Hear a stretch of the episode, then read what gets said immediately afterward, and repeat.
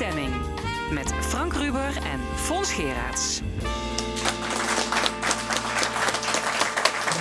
Zondag 10 maart. Welkom bij de stemming rechtstreeks vanuit Café Forum in Maastricht. Ja, vandaag doen we onze naam volop eer aan, want bijna de gehele uitzending staat in het teken van de komende twee verkiezingen voor provinciale staten en het waterschap.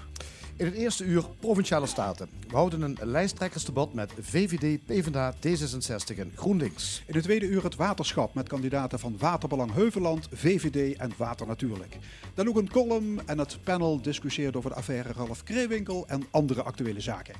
En muziek. En die is vandaag van Stijn Charpentier.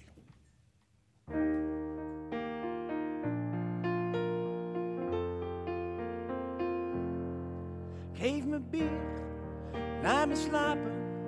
Geef mij ruimte en geef mij tijd. Geef me liefde, geef me leven. Laat mij rustig, rustig zijn.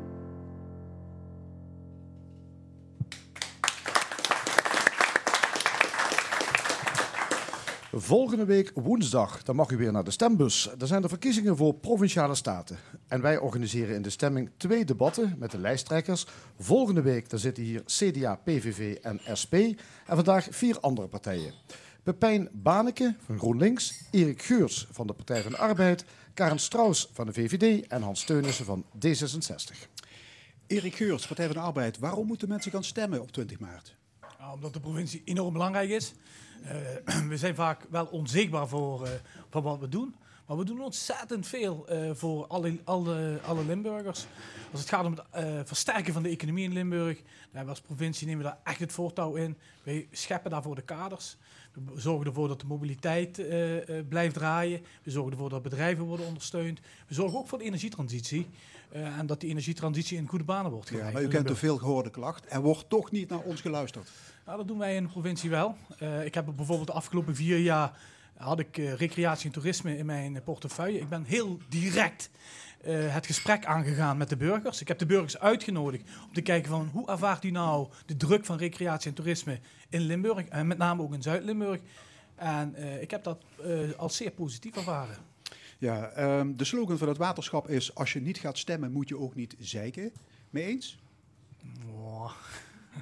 Ja, goed. Uiteindelijk uh, vind ik dat iedereen gebruik moet maken van het stemrecht. Uh, maar het is ook een keuze om niet te gaan. Uh, maar ik hoop in ieder geval dat mensen wel gaan stemmen. Ja. Bij de vorige verkiezing zakte uw partij van zes naar vier zetels. Hoe dramatisch is een nog lagere score? Ik ga er niet vanuit dat wij uh, nog verder gaan zakken. Wij, wij staan op winst op dit moment in de peilingen. En wij gaan die winst ook gewoon pakken in Limburg. Ja. Een hoge opkomst is goed voor D66, zeggen mensen die er verstand van hebben. Hans Teunissen, is het verstandig om er meer een landelijke campagne van te maken?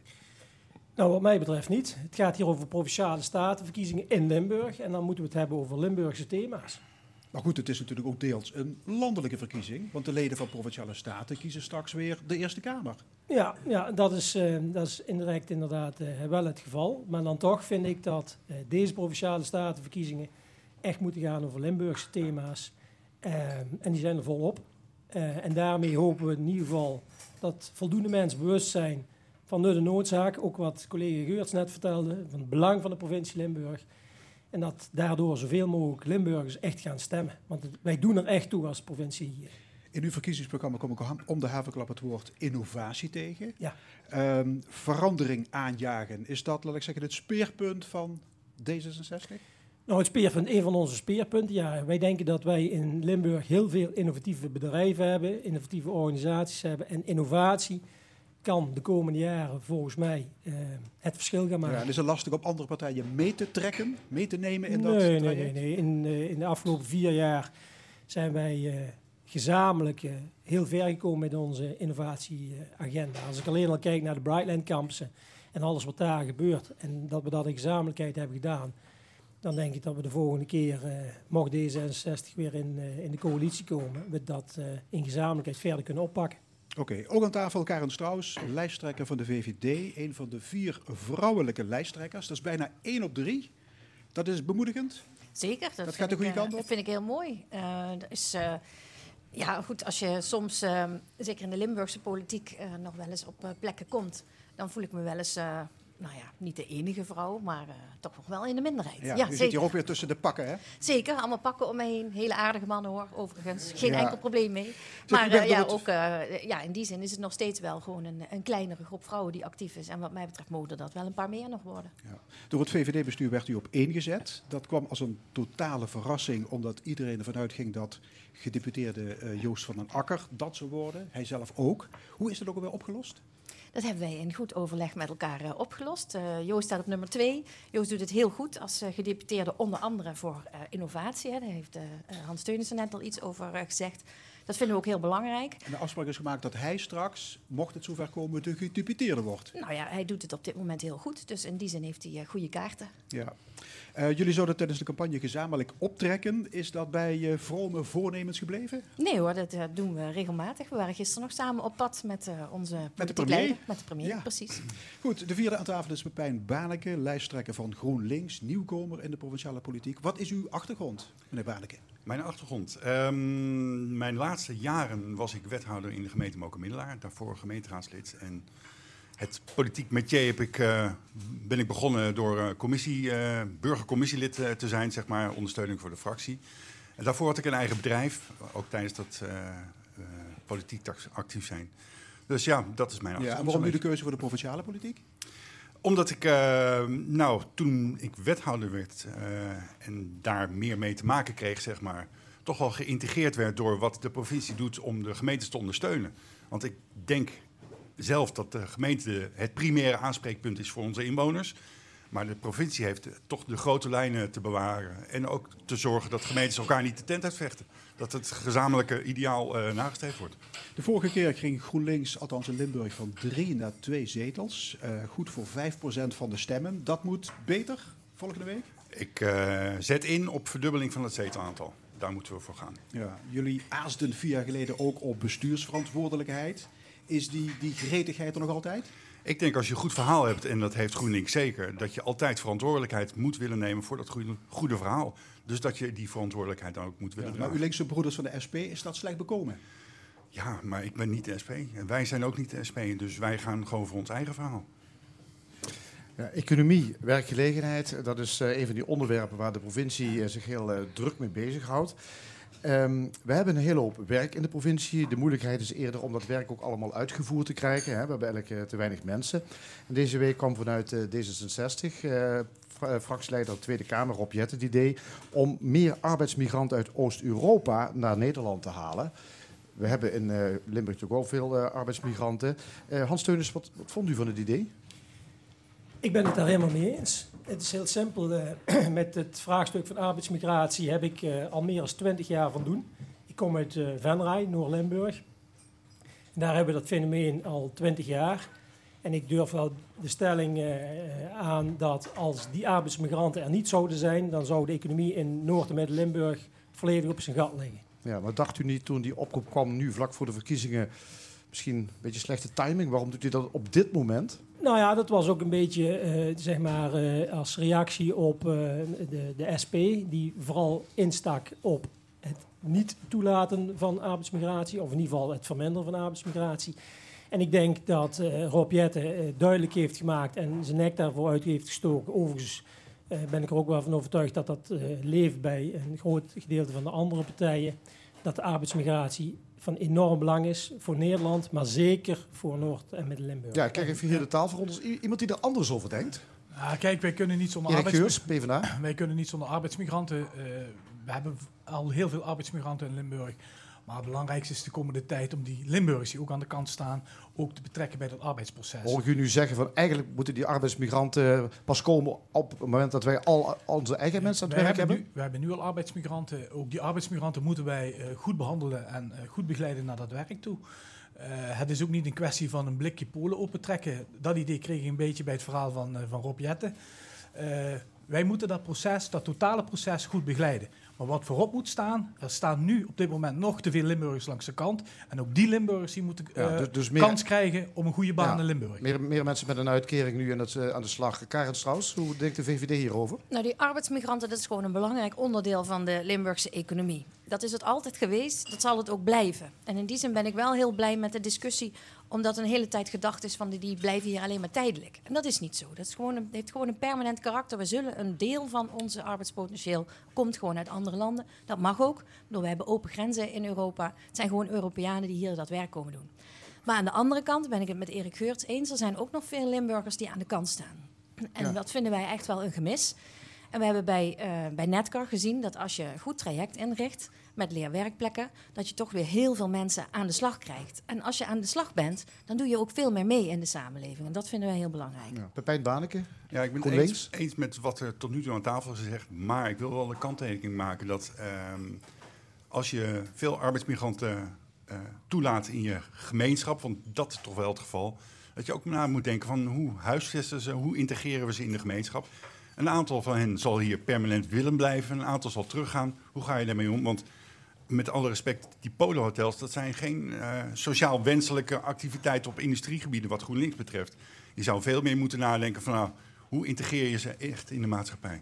Ja, dat is ook... Hu- huisves- huisvesting Erik overigens een totaal probleem. Hè? Dat geldt ook voor de Limburgers. Ook jonge Limburgers moeten een huis kunnen krijgen. Dus wij moeten de komende periode echt gas gaan geven Ja. met, met betrekking tot het bouwen van nieuwe woningen.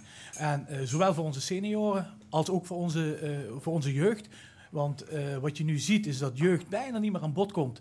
eh, voor, voor woningen in de kleine kernen. Dus we moeten ook in die kleine kernen nieuwe woningen gaan bouwen voor, eh, voor onze eigen Limburgers. Maar je kan daar een win-win situatie van maken als je dat combineert met het eh, arbeidsmigrantenverhaal. Door ook woningen te bouwen voor die arbeidsmigranten die misschien niet altijd blijven. En die na de hand beschikbaar te stellen aan andere groepen die die woningen wel nodig Maar hebben. overigens heeft Rob Jetten dat ook duidelijk gezegd. Ja, Hans Teunissen, D66. Ja, ja, Rob Jetten heeft twee dingen gezegd. Ten eerste, we hebben de arbeidsmigranten hard nodig. Want als we iedere Nederlander aan het werk zouden krijgen, dan nog hebben we een, eh, een krapte op de arbeidsmarkt. Dat weten we in Limburg maar al te goed met de eh, vergrijzing van, het, eh, van de beroepsbevolking. En heeft duidelijk aangegeven, we moeten daarnaast zorgen voor goede integratie, goede huisvesting en het tegengaan van, van uitbuiting en, en al dat soort zaken. Dus wat dat betreft zijn we het volgens mij allemaal volledig met elkaar eens. Ja, ik hoor jullie ook zeggen, woningbouw is een belangrijk onderdeel. eh, terwijl we eigenlijk lang hebben gedacht, we hebben krimp, we hebben te veel woningen. Maar moeten- blijkbaar ook een tekort aan woningen. Maar- We, hebben de komende, we hebben de komende periode hebben we een tekort aan woningen. Dat zie je, het, het aantal eh, verdunning van onze huishoudens neemt toe. Dat betekent dus dat we per saldo meer woningen nodig hebben voor dezelfde bevolking. Ehm, en we hebben ook een ander soort woning nodig. Als je kijkt naar, eh, als, je, als je jong bent en je wil gaan samenwonen, dan kom je heel snel boven die 36.000 euro. Eh, dat is het inkomen eh, waar de grens ligt om in aanmerking te komen voor een woning van een woningcorporatie. En juist die woningen daarboven, die moeten we, eh, moeten we gaan bouwen in Limburg, zodat ook onze jongeren gewoon een goede, goede woning kunnen krijgen, waar ze hun gezin kunnen gaan stichten. Ja, is er plaats voor die woningen? Ehm, Ja, zeker. Ik denk het wel. Maar ik denk inderdaad dat je veel meer moet gaan kijken naar wat voor kwaliteiten aan woningen hebben we nu daadwerkelijk nodig. maar waar, waar kun je die dan bouwen? Moeten we het inderdaad het groen in, buitengebieden? Nee. Nee, dat is helemaal niet nodig. Ik denk dat er nog voldoende inbreidingslocaties zijn. Hè, dus binnen eh, bebouwde omgevingen waar je nog eh, eh, eh, of opwaardering kunt doen van bepaalde woningen of waar je nog andere plannen kunt doen. Ik woon zelf in Roermond, eh vlak bij Roer Delta. Nou, dat was er tot voor kort was dat nog één grote woestenij. En inmiddels staat daar gewoon een hele woonwijk met allerlei diversiteit aan woningen. Kleinere woningen, grotere woningen, eh, huur, koop, eh, vrijstaande woningen, geschakelde woningen, van alles. Ja, maar houden we dan toch niet dadelijk een hele hoop woningen over? Die, eh, hè, want we Wij zeggen, moeten- wij woningen. Wij moeten gaan transformeren. Dat betekent dus ook dat je moet gaan herstructureren en moet gaan slopen. Eh, dat is ook een opgave van de overheid. En ook dat proces hebben we de afgelopen jaren proberen te begeleiden. Maar dan, ook dat proces, daar kan een tandje bijgezet worden. Maar daar moet je ook vooral kijken naar wat er nog toegevoegd moet worden. En, en, en, en er zijn drie segmenten, en dat hebben anderen ook al gezegd. Starterswoningen, seniorenwoningen en met name in de middenhuur. Daar hebben we een groot tekort aan en dat zullen we de komende jaren echt verder aan moeten jagen. Maar We wel hebben met respect voor de rode contouren. Uiteraard. Want de rode contouren is de lijn die... De Om de natuur binnen te- bebouwde kom. Ja, oké. We, we praten zo meteen verder, want jullie blijven dit hele uur zitten. Dank jullie wel voor dit moment. Eh, straks meer discussie. Ja, de muziek in de stemming komt vandaag voor rekening van Stijn Charpentier, singer-songwriter uit Eindhoven. Eh Stijn, je noemt jezelf een ouderwetse troubadour in de Nederlandse taal. Troubadour? Ja, ik vind singer-songwriter vind ik geen fijne term, zeg maar. Dan krijg ik al meteen zo'n idee van iemand met een heel kwetsbaar klein liedje die heel goed gitaar speelt. En daar val ik niet onder. dus eh, vandaar Troubadour, vond ik veel passender. En je zingt in het Nederlands omdat je een boodschap te vertellen hebt. Ja, ja de, de reden waarom ik muziek maak is omdat ik heel graag iets wil vertellen. Vaak maatschappij kritisch, dus eh, Nederlands. Vanmiddag wordt er in Amsterdam een grote klimaatmars gehouden. Dat ligt jou ook na aan het hart?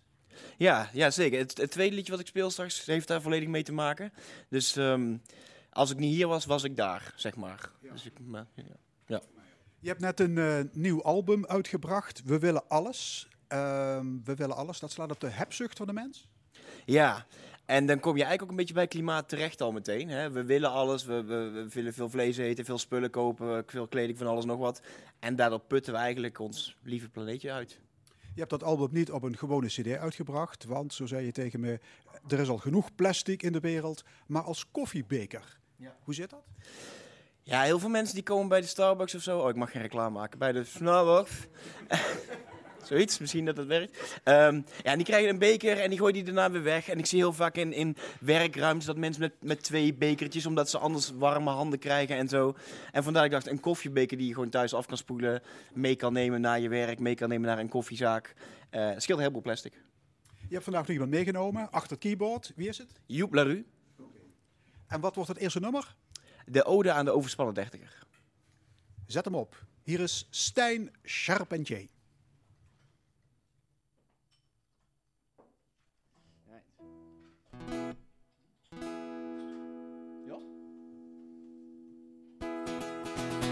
Wij werken veel te hard, wij slapen veel te kort. Wij vallen bijna om, maar in het weekend gaan we los. Dat laatste dan wat minder, want wij zijn vaak te moe. Wij werken te hard om nog te dansen in de kroeg. Wij liggen nachten wakker, wij zijn niet van de stress.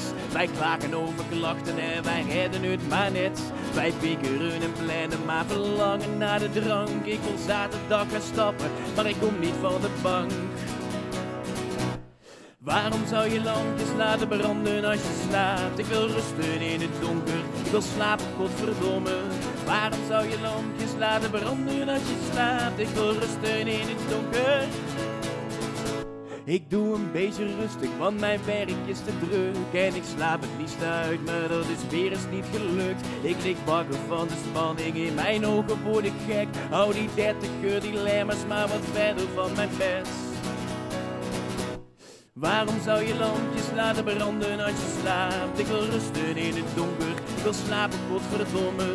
Waarom zou je lampjes laten branden als je slaapt? Ik wil rusten in het donker. Ik wil rusten in het donker. Dus mediteren wij en kopen potjes vitamine. Doen wij yoga in het park om die spanning te verliezen. Al die lampjes die ons wakker houden heel de lange nacht. Blijven schijnen door de drukte van die veel te lange dag. Waarom zou je lampjes laten branden als je slaapt? Ik wil rusten in het donker, ik wil slapen, godverdomme. Waarom zou je lampjes laten branden als je slaapt? Ik wil rusten in het donker. Ik wil rusten in het donker.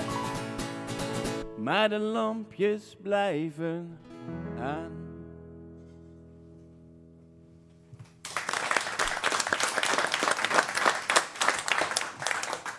Ja, vanochtend veel aandacht voor de komende verkiezingen van de Provinciale Staten.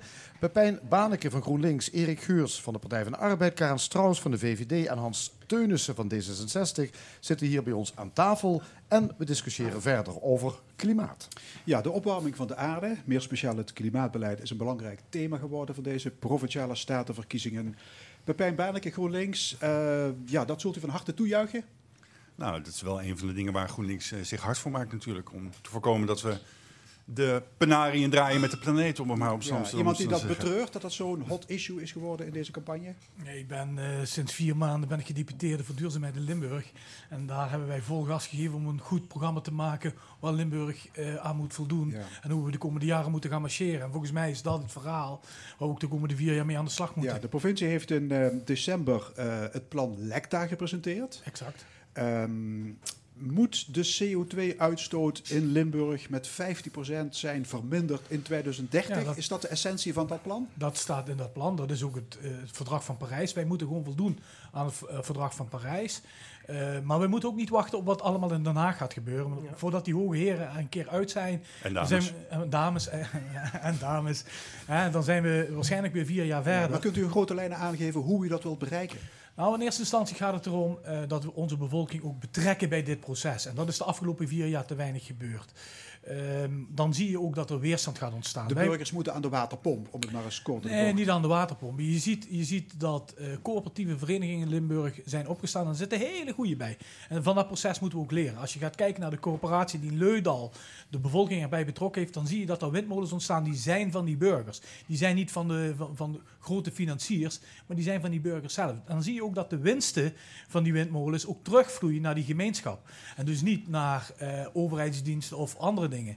Dat, is, dat, dat, is, dat is voor mij het schoolvoorbeeld hoe we het in Limburg moeten gaan doen. is dat milieuplan ambitieus genoeg? Nou, ik vraag mij af, eh, als ik dat zo bekijk, ehm, waarom het pas na vier jaar eh, op tafel komt. Ik bedoel, er is natuurlijk, die hele vier jaar is er gedacht over het milieu. En aan het einde van de eh, regeerperiode komt opeens dit plan boven Ja, maar tafel. goed, er is Ja, pas geleden dat in vind ik, wel, dat vind in- ik heel erg jammer. Ja, nee, daar ben ik volledig met u eens. Maar zoals u ook weet, toen ik aantrad als gedeputeerde duurzaamheid, eh, waren de lades leeg. Zo Ja, maar u heeft, Koopmans- u heeft collegiaal bestuur. U bent maar- met z'n allen verantwoordelijkheid, Ja. verantwoordelijk voor het probleem. Nee, maar dat balletje kan ik terugleggen ook naar GroenLinks. Eh, daar hadden ze het initiatiefvoorstel kunnen indienen in de Maar Staten. goed, het Hebben we plan, niet gezien. maar het plan, ligt, wacht even, het plan ligt er nu. Vindt u het Ja. ambitieus genoeg?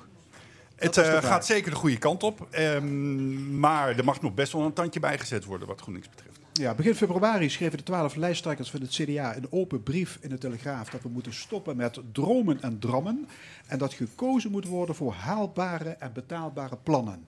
Was dat een, een trap op de rem? Nou, dat haalbaar en betaalbaar, dat haalbaar en betaalbaar is wel terecht.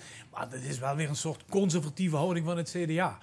Eh, wij moeten echt stappen vooruit gaan zetten. En wij moeten dus ook met elkaar dat proces, nou opjagen is het verkeerde woord, maar wel in beweging brengen. En ook in beweging houden. En volgens, volgens mij zijn er... Teunissen, ook- D66? Ja, volgens mij zijn er... Kijk, want eh, Erik Geurts gaf net aan, eh, zeg maar, vanuit die coöperatiegedachte. Maar onze zoon is 29, heeft een eigen huis, heeft een energielasten van 125 euro per maand. En we hebben samen uitgerekend dat als hij maatregelen zou treffen, dat hij die 125 euro fors naar beneden kan brengen naar nog minder dan 25 euro. En dat is zijn eh, motivatie om er nu ook wat aan te doen. Want het levert hem ook wat op. Door zonnepanelen. Door zonnepanelen, maar ook door isolatie en al dat soort dingen. En juist daarom, daar moeten we de komende jaren veel meer de burger bewust van maken. Dat er ook heel veel voordelen zijn in zijn eigen financiële huishouding om wat te doen aan duurzaamheidsmaatregelen. Ja, eens. En zeker daar waar de provincie bij kan springen door bijvoorbeeld de duurzaamheidslening die er al bestaat. Maar ook door collectieve oplossingen aan te bieden voor het verduurzamen van huizen. Het anders omgaan met, eh, met energie en energieopwekking. Ik denk dat de provincie daar de komende vier Ja, jaar echt de handen vol aan D66 krijgt. vindt ook dat er veel meer geïnvesteerd moet worden hè, in, we in klimaatplannen. Ja, waarom, waarom die versnelling? Nou, dat vind ik eigenlijk eh, eh, meer vanuit dezelfde eh, gedachte als wat Erik Geurs net ook zei. Niet op de rem gaan staan, maar vooral initiatieven aanjagen. Want er zijn heel veel goede initiatieven. Want eh, eh, Pepijn die gaf net wel aan van waarom wachten we de vier jaar. Maar afgelopen vier jaar zijn best veel zaken al gebeurd. Met name rondom bijvoorbeeld eh, eh, zonnepanelen op Ja, toch bij loopt Limburg hopeloos achter als Nee, het gaat nee, om nee, alternatieve energieopwekking. Nee, kijk, Geurts, daar- klimaatgedeputeerde. daar, daar waar het gaat om plaatsen van windmolens, lopen we, lopen we achter. Dat, is, dat is correct. Maar als je ziet wat we de afgelopen jaren wel al- allemaal hebben opgestart. Kijk naar het Mijnwaterproject. Hebben wij als Limburg ook het lef gehad om dat project van Heerlen over te nemen, zodat we dat verder kunnen uitrollen in Limburg. Het Groene Net in Sittard Geleen, waar wij afspraken gemaakt hebben met de zware industrie om de restwarmte in te zetten voor Het verwarming van huizen. beginnetjes, hè? Beginnetjes. Ja, maar je moet wel ergens beginnetjes maken om uiteindelijk verder te kunnen gaan uitrollen. We hebben eh, het duurzaamheidsleningsfonds hebben uitgebreid van eh, 85 miljoen naar eh, 235 miljoen. We hebben het grootste eh, eh, investeringsfonds voor de burgers in heel Nederland. Dat is bijna net zo groot. Het fonds van, van Limburg is bijna net zo groot als het fonds van heel Nederland. Dus wat dat betreft hebben we echt grote stappen gezet. Maar- Maar ik ben het met GroenLinks eens. De komende periode moet het operationeel gemaakt worden. En als ik al die groen, GroenLinks-wethouders op dit moment spreek, van die grote steden, die zitten ook met het handen in het haar. We moeten het ook realistisch gaan doen. Want ons netwerk bijvoorbeeld, het netwerk van die Nexus, daar moet gigantisch veel geïnvesteerd worden. En dat zijn de slagen die wij als overheid ook moeten gaan faciliteren en gaan ondersteunen. Nou, ik wil er even, op reageren. Dat, ehm, ik ben wethouder geweest in de gemeente Mokermiddelaar. Toen ik daar eh, wegging, lag daar een plan om de gemeente Mokermiddelaar energie-neutraal te krijgen in 2030.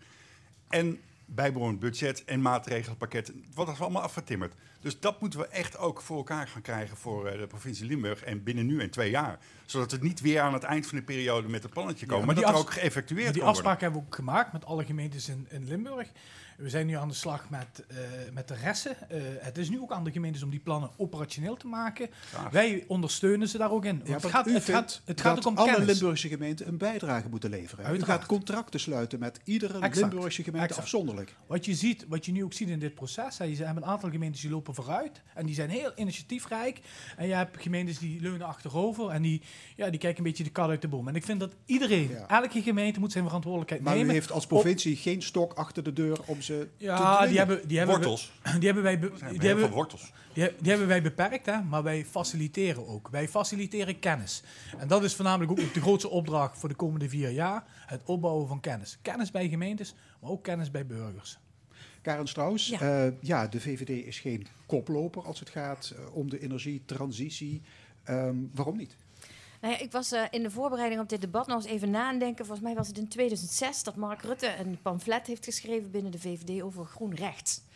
En dat viel toen echt helemaal niet in eh, vruchtbare bodem, om maar een beetje in milieutermen te blijven.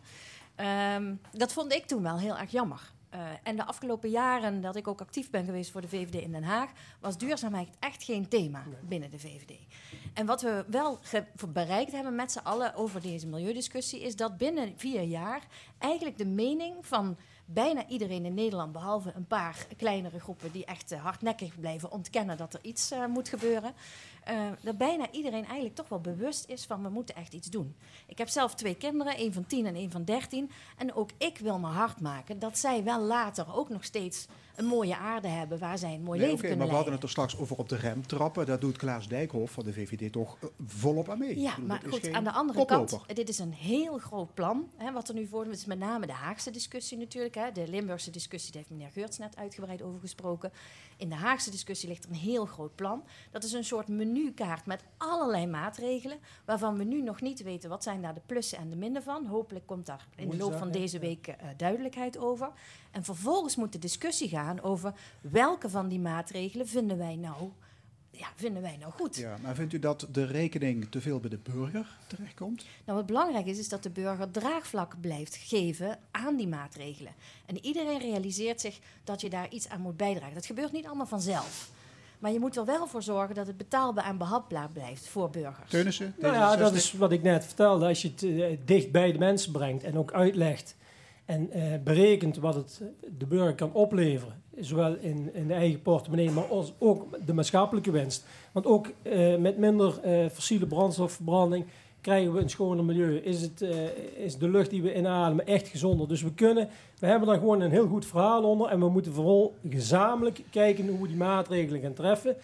Zowel eh, wij als provinciale overheid hebben veel geld, ook ter beschikking om hierin in te investeren, onder andere in leningen, maar ook wat kan de burger zelf doen. eh, Ook de, ja, ook de industrie, een van de grootste vervuilers wat dat betreft, Zeker. moet ook haar bijdrage gaan leveren. Zowel een technische zin, CO2-heffing. Maar ook een CO2-heffing. Ja, u bent trouwens voorstander van de oprichting van een eigen provinciaal energiebedrijf. Hè? exact. Eigenlijk een oude SP-plan. Eh, u wil de oude plem terug. Volgens mij is een oud sociaal-democratisch plan om eh, eh, zaken te regelen als overheid. Dat heb ik gezegd ook in de krant. Ja, ik vind dat wij ehm, de lead moeten pakken als Limburg daarin. En we moeten dat niet overlaten aan de happy few. Want dat zag ik de afgelopen jaren gebeuren. Een aantal mensen die wat geld hadden, die gingen investeren en gingen daar geld mee maken. En eh, energie is van ons allemaal. Dat gebruiken we allemaal. En daar waar ook revenue te verdienen zijn, moet dat ook terugvloeien naar ons allemaal. Naar alle Limburgers. Maastricht-Aachen Airport wil graag groter groeien. Meer vluchten, nieuwe terminal, parkeergarages, noem maar op. Het staat allemaal op het verlanglijstje van het vliegveld in Beek. Eh Karen is daar plek voor in Zuid-Limburg? Nou, eh, wij denken bij de VVD van wel. Eh, wij zijn natuurlijk een partij die het belangrijk vindt dat eh, de economie goed doet, want daar profiteren we uiteindelijk allemaal van. En een infrastructuur waarin je op een goede manier, hè, men zegt wel eens van, ja, als, als niks, niks loopt, dan staat alles stil. Hè? Een, een goede infrastructuur is daarbij heel belangrijk. En dan hebben we het over eh, de treinen in, eh, in Venlo, hè, waar je natuurlijk een, een- op het spoor heel veel overslag hebt. Dan heb je het over de havens in, eh, in Stijn, waar natuurlijk heel veel overslag van goederen plaatsvindt. En dan heb je het toch ook over Maastricht-Aken Airport. Ja, Kijk, hier verschillen wij nu echt van mening. Erik Geurs. Hier verschillen, hier eindelijk. Hier verschillen we echt van mening. Want kijk, wat de VVD doet is alles willen. Alles willen. En als ik nu ga kijken naar Zuid-Limburg, waar we ook heel veel ondernemers hebben, MKB'ers hebben, die werkzaam zijn in de toeristische sector. En dat kan natuurlijk niet samen. Ook de VVD dient daar een keuze in te maken. Wat ons betreft is er een grens met betrekking tot de groei van, eh, van MAA bereikt. In ieder geval qua Maastricht leefbaarheid. Aken Airport. Ja. Ja, Maastricht, Aken Airport. Qua leefbaarheid, daar is voor ons een grens. Dat mag niet verslechteren. En dat is aan de ene kant voor de mensen die in Zuid-Limburg wonen, maar ook ter bescherming van die hardwerkende MKB'ers in de toeristische sector. En waar eigenlijk ook de VVD voor zou moeten staan. Eh, maar je kunt niet alles willen. Je kunt niet zeggen van MAA mag in de hemel groeien en we staan ook voor die toeristische sector. Ga eens met die toeristische sector praten. Dat heb ik de afgelopen vier jaar gedaan. Ehm, en dan zie je dat die toeristische sector onder druk komt te staan door de groei van MAA. Ja, die, die mensen klagen ook in het Heuveland. Hè. Die zeggen er komen straks minder toeristen. dus Zeker, maar ik heb ook helemaal niet gezegd dat het binnen aan het andere gaat er aan onderdoor. Ik heb helemaal niet gezegd dat het grenzeloze groei moet zijn. Alleen wat we nu vaak zien, is dat eh, er geen discussie meer kan plaatsvinden. Er is nog ruimte binnen de huidige eh, milieuregels, binnen de huidige regels rondom luchtvaart om te groeien. Ehm, en er is in, in die zin ook afgesproken om met omwonenden in gesprek te gaan hoe en wat. Ik heb toevallig ook in de voorbereiding naar dit debat nog eens even teruggekeken wat er de afgelopen maanden gebeurd is. En dan zeggen eigenlijk ook degenen die, die, die ja, nu protesteren eigenlijk tegen de, de, de uitbreiding, eventuele uitbreiding van Maastricht-Aken Airport. Die zeiden ja, een aantal jaren geleden hadden we veel meer vliegbewegingen, maar hadden we er veel meer, minder last van. Maar economische groei is iets anders dan een grens zetten aan leefbaarheid. Hè? Eh, ik woon zelf eh, aan de funnel van de AWACS. En eh, dat zijn de meest vervuilende vliegtuigen die je kunt hebben. Eh, als, er twee van die vliegtuigen, als ik twee van die vliegtuigen zou kunnen inruilen voor drie moderne vluchten, zeg ik graag. Hè, want dat is een stuk minder milieuvervuiling dan, dan die twee toestellen die nu over mijn dak heen vliegen. Het gaat erom dat we grenzen zetten aan, aan, aan ja, de leefbaarheid. Hè. Dat mag niet verder vers- of die mag niet verder verslechteren. Ja, Pepijn Baneke, Nou, GroenLinks. Ik denk dat het erom gaat van hoe wil je de toekomst van eh, het Zuid-Limburgse heuvellandschap vormgeven. En eerlijk gezegd dan denkt GroenLinks dat vliegbewegingen daar niet een majeur onderdeel van zouden moeten zijn. Sterker nog, wij pleiten eigenlijk voor het op termijn laten sluiten van Maastricht-Aken Airport. Zeker gezien het aantal vliegvelden wat zich in de omgeving eh, bevindt en de overlast die het veroorzaakt. En aan economische impact waag ik te betwijfelen wat voor een eh, grootte dat heet. Want als je als provincie de afgelopen jaren daar een dusdanige som geld in moet stoppen om dat überhaupt overeind te houden, waag ik de levensvatbaarheid te betwijfelen. Ja, de, hoe zit het dan met eh, de, de, zal maar zeggen, de economische betekenis van Maastricht Agen Airport? U zegt op termijn willen we toe naar een sluiting. Dat, eh, Nou ja, ik heb net gezegd dat ik eh, betwijfel of dat daadwerkelijk een dusdanige economische impact heeft dat we eh, daar ons zorgen over moeten maken. ja. Nou ja, Strauss, VVD? Nou, ehm, eh, GroenLinks geeft hier aan van ja, je kan ook naar de buitenlandse eh, vlieg, eh, vliegvelden gaan, natuurlijk voor eh, vliegbewegingen te doen. Maar dat is natuurlijk toch ook een hele rare redenering, want die vliegen ook over Limburg. Net zo. Hè? En eh, in bepaalde eh, regio's in Limburg hebben ze meer overlast van het vliegveld aan de, in Luik dan van het vliegveld Ja. in, eh, in, eh, eh, van Maastricht-Aken Airport. Goed, en als je dan het- kijkt naar de, naar de regels die wij in Nederland hebben voor luchtvaart, die zijn veel strenger. Onder andere ook over wanneer eh, vluchten mogen vliegen. En op het moment dat we zeggen van nou gaan we allemaal naar het buitenland, ja, dan doen we eigenlijk onszelf echt tekort. Ja, we kunnen Maar- het beter in de hand houden in Beek dan het op Luik allemaal ook- loslaten. Ook wat Zegt- betreft eh, het Luikse vliegveld heeft eh, GroenLinks natuurlijk eh, bepaalde meningen. En die staan ook in ons verkiezingsprogramma. Dat wij ook daar een eh, beperking op willen van hoe gaan we om met de overlast dat dat vliegveld eh, veroorzaakt. Ja, maar daar hebben wij natuurlijk als provincie. Hebben wij dat uit de hand gegeven Ja, ooit? maar daar hebben we natuurlijk ook helemaal Punt. niks Ja. in te willen. We kunnen Is- hoogstens is- vragen of ze het doen, Ja. maar ik betwijfel of daarnaar Ja, geluisterd Gro- GroenLinks wil dus op termijn toe naar een sluiting van de luchthaven in Beek. Ehm, is, is het vliegveld ten dode opgeschreven als we bijvoorbeeld fors gaan beperken? Als we het fors gaan beperken, Hans Teunissen? Nou ja, kijk, D66. we, we hebben tot 2027 concessiejaar vergeven, als ik me eh, goed kan herinneren. Dus tot 2027 blijft het sowieso open. Of we moeten miljoenen investeren in het afkopen. Nou, dat is volgens mij eh, niet de bedoeling. D66 wil dat, eh, en dat heeft Erik Geurs net ook al gezegd, het kent de grens. Maar als die grens, zeg maar, eh, als er een rek in zit, hè, wat Erik net ook zei van twee vliegtuigen inleveren voor drie schone. Twee weken terug waren we op het vliegveld en daar werd een pleidooi gehouden voor elek- elektrisch vliegen. En wat nu met elektrisch vliegen gebeurt, is voornamelijk op de kleine vliegvelden. Ik begrijp dat dat een behoorlijke toekomstmuziek is voor grote vliegtuigen. Dat is nog toekomstmuziek, maar ook daar geldt weer dat als, als wij in Limburg daar bijvoorbeeld met Aviation Valley een voortouw in zouden kunnen nemen in innovatieve vliegmethodes, elektrisch vliegen onder andere, dan zouden we daar wel een mogelijkheid hebben om eh, eh, eh, MMA op de kaart te zetten. Voor D66 is het belangrijk dat er alleen maar eh, sprake kan zijn van groei als er schoner, stiller en duurzamer gevlogen kan worden. En niet op basis van wat er nu ligt, zeg maar oude toestellen die daar landen, oude zware eh, toestellen, want dat moeten we niet willen. En wat ik wel belangrijk vind, en daar hebben we twee weken terug ook met de omwonenden duidelijk over gesproken, de communicatie en eh, de, de, de effecten van de luchthaven zijn onvoldoende doorgemeten, zijn onvoldoende geanalyseerd en daar zullen we in gezamenlijkheid ook nog veel meer onderzoek Ja. naar moeten doen. Maar in feite zegt u, de, de overlast die er nu is, mag niet meer worden. Hoe, hoe kijkt de VVD daar tegenaan? Nou, volgens mij heeft onze eigen gedeputeerde eh, nog niet zo heel erg lang geleden even een pas op de plaats gemaakt met een nieuwe vergunning die er was aangevraagd. Maar er komt een nieuwe procedure. Dus, Zeker. ja. En daar worden dus nieuwe, die nieuwe meetwaarden, waar meneer Teunis het over had, opnieuw naar bekeken. En daar worden ook de zorgen van de omwonenden veel serieuzer Maar, maar zou, zou het, zouden er meer vluchten en meer overlast, zou dat kunnen wat de VVD betreft? Nou nee, ik, ik denk dat je eh, moet gaan kijken naar inderdaad economische groei op een verstandige manier. En dat betekent dus inderdaad niet inzetten op alleen maar oude toestellen en daar steeds meer van. Maar dat je gaat kijken naar van hoe kun je ook op een verstandige manier toch luchtvaart in deze regio behouden. Dank jullie wel voor dit moment. Pepijn Baneke, GroenLinks, Erik Geurs, Partij van de Arbeid, Karen Strauss, VVD en Hans Teunissen, D66. Zometeen de derde discussieronde. Dit is de stemming live radio van L1 vanuit Café Forum in Maastricht. We zijn er tot 1 uur. Muziek op het podium. Troubadour Stijn Charpentier. Hij gaat spelen het nummer Gestoord.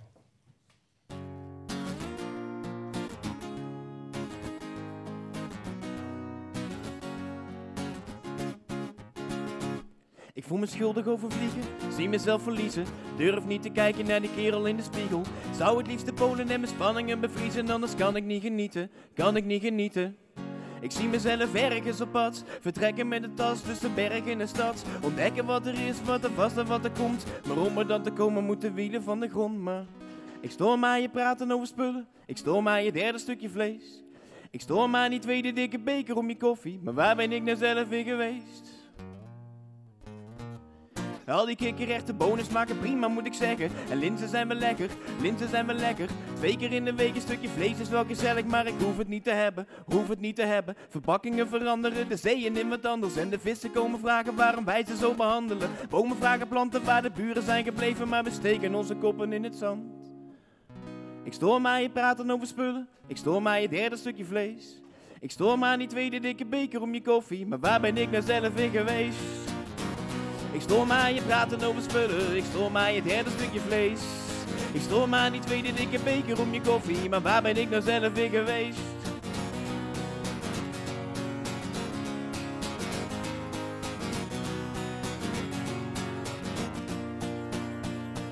Ik vind het eng, de berichten en gevolgen. Maak mezelf zorgen, maak mezelf zorgen. Zijn we dan niet samen verantwoordelijk? Maar we schuiven het naar morgen, schuiven het naar morgen. Ik stoor mij je praten over spullen, ik stoor mij je derde stukje vlees.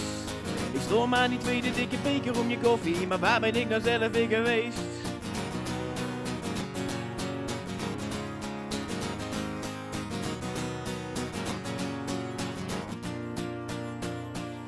Ik vind het eng, de berichten en gevolgen. Maak mezelf zorgen, maak mezelf zorgen. Zijn we dan niet samen verantwoordelijk? Maar we schuiven het naar morgen, schuiven het naar morgen.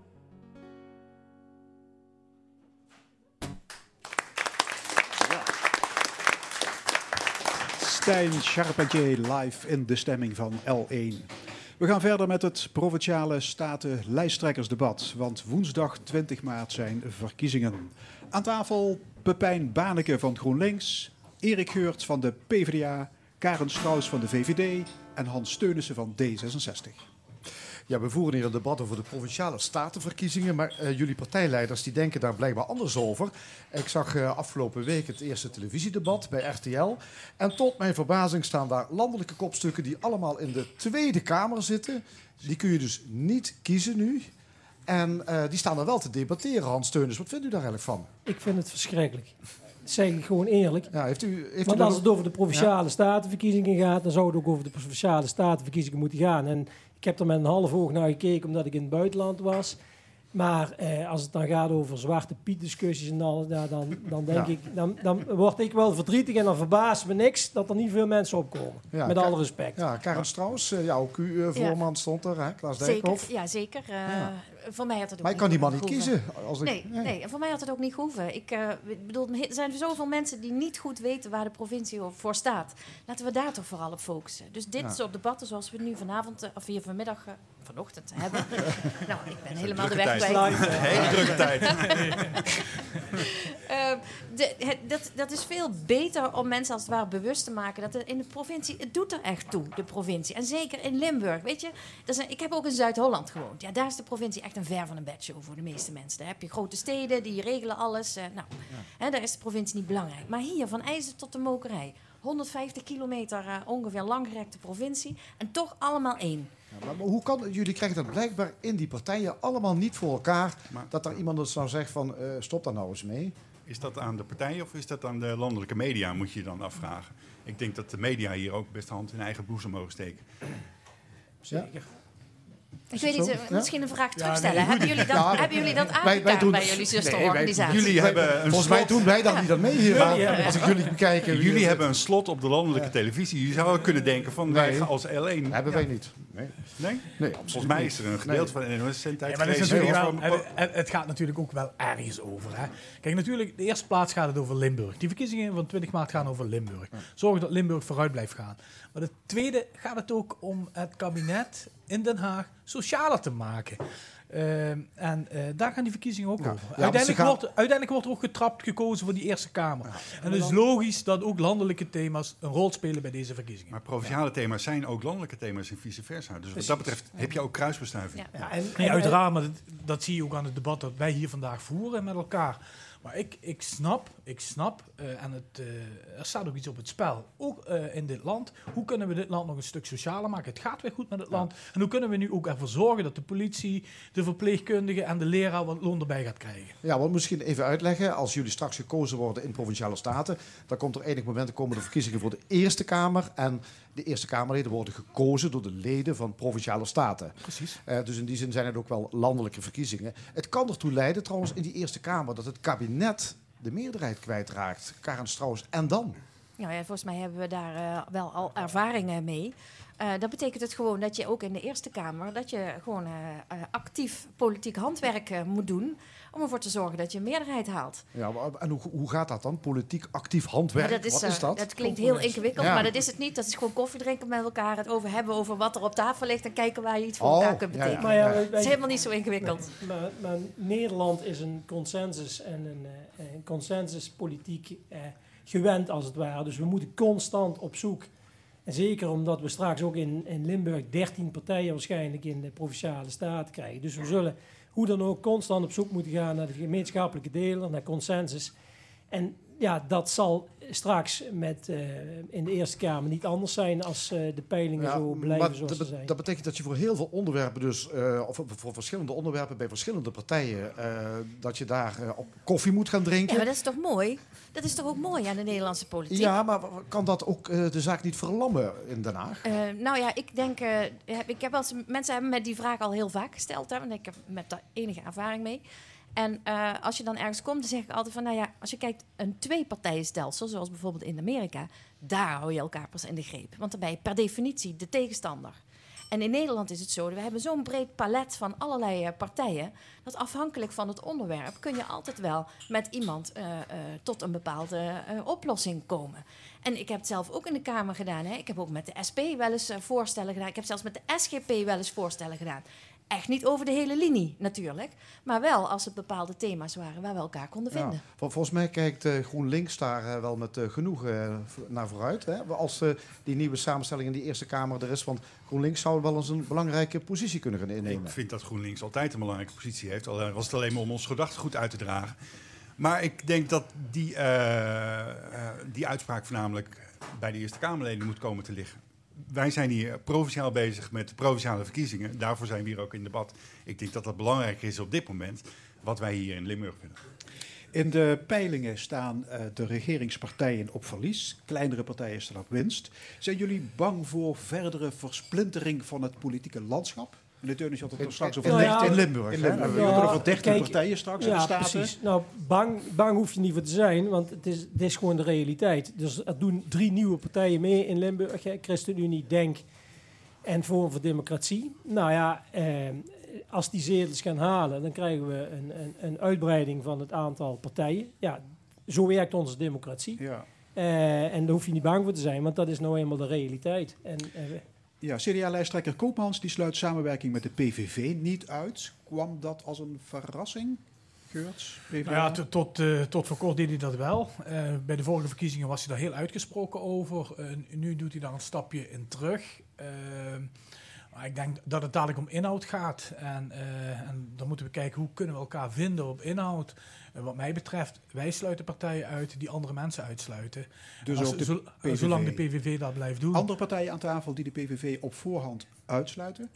Ik, eh, wij als D66? D66 denken hetzelfde over als de Partij van de Arbeid. Zolang eh, andere partijen andere mensen uitsluiten, dan eh, is onze landelijke lijn dat daar samenwerkt. wordt. Karen Strauss, een coalitie van PVV, CDA en VVD, ziet u wel zitten? Nou ja, goed, kijk, we, en allereerst moeten we gewoon de verkiezingsuitslag respecteren. Uiteraard. En wij sluiten op voorhand geen enkele partij uit. En dan vervolgens kijken we naar welke concrete voorstellen er op tafel liggen. Ja, maar die coalitie die ik net noemde, die behoort tot de mogelijkheden? Nou, het is niet van, we sluiten ze niet uit, nee.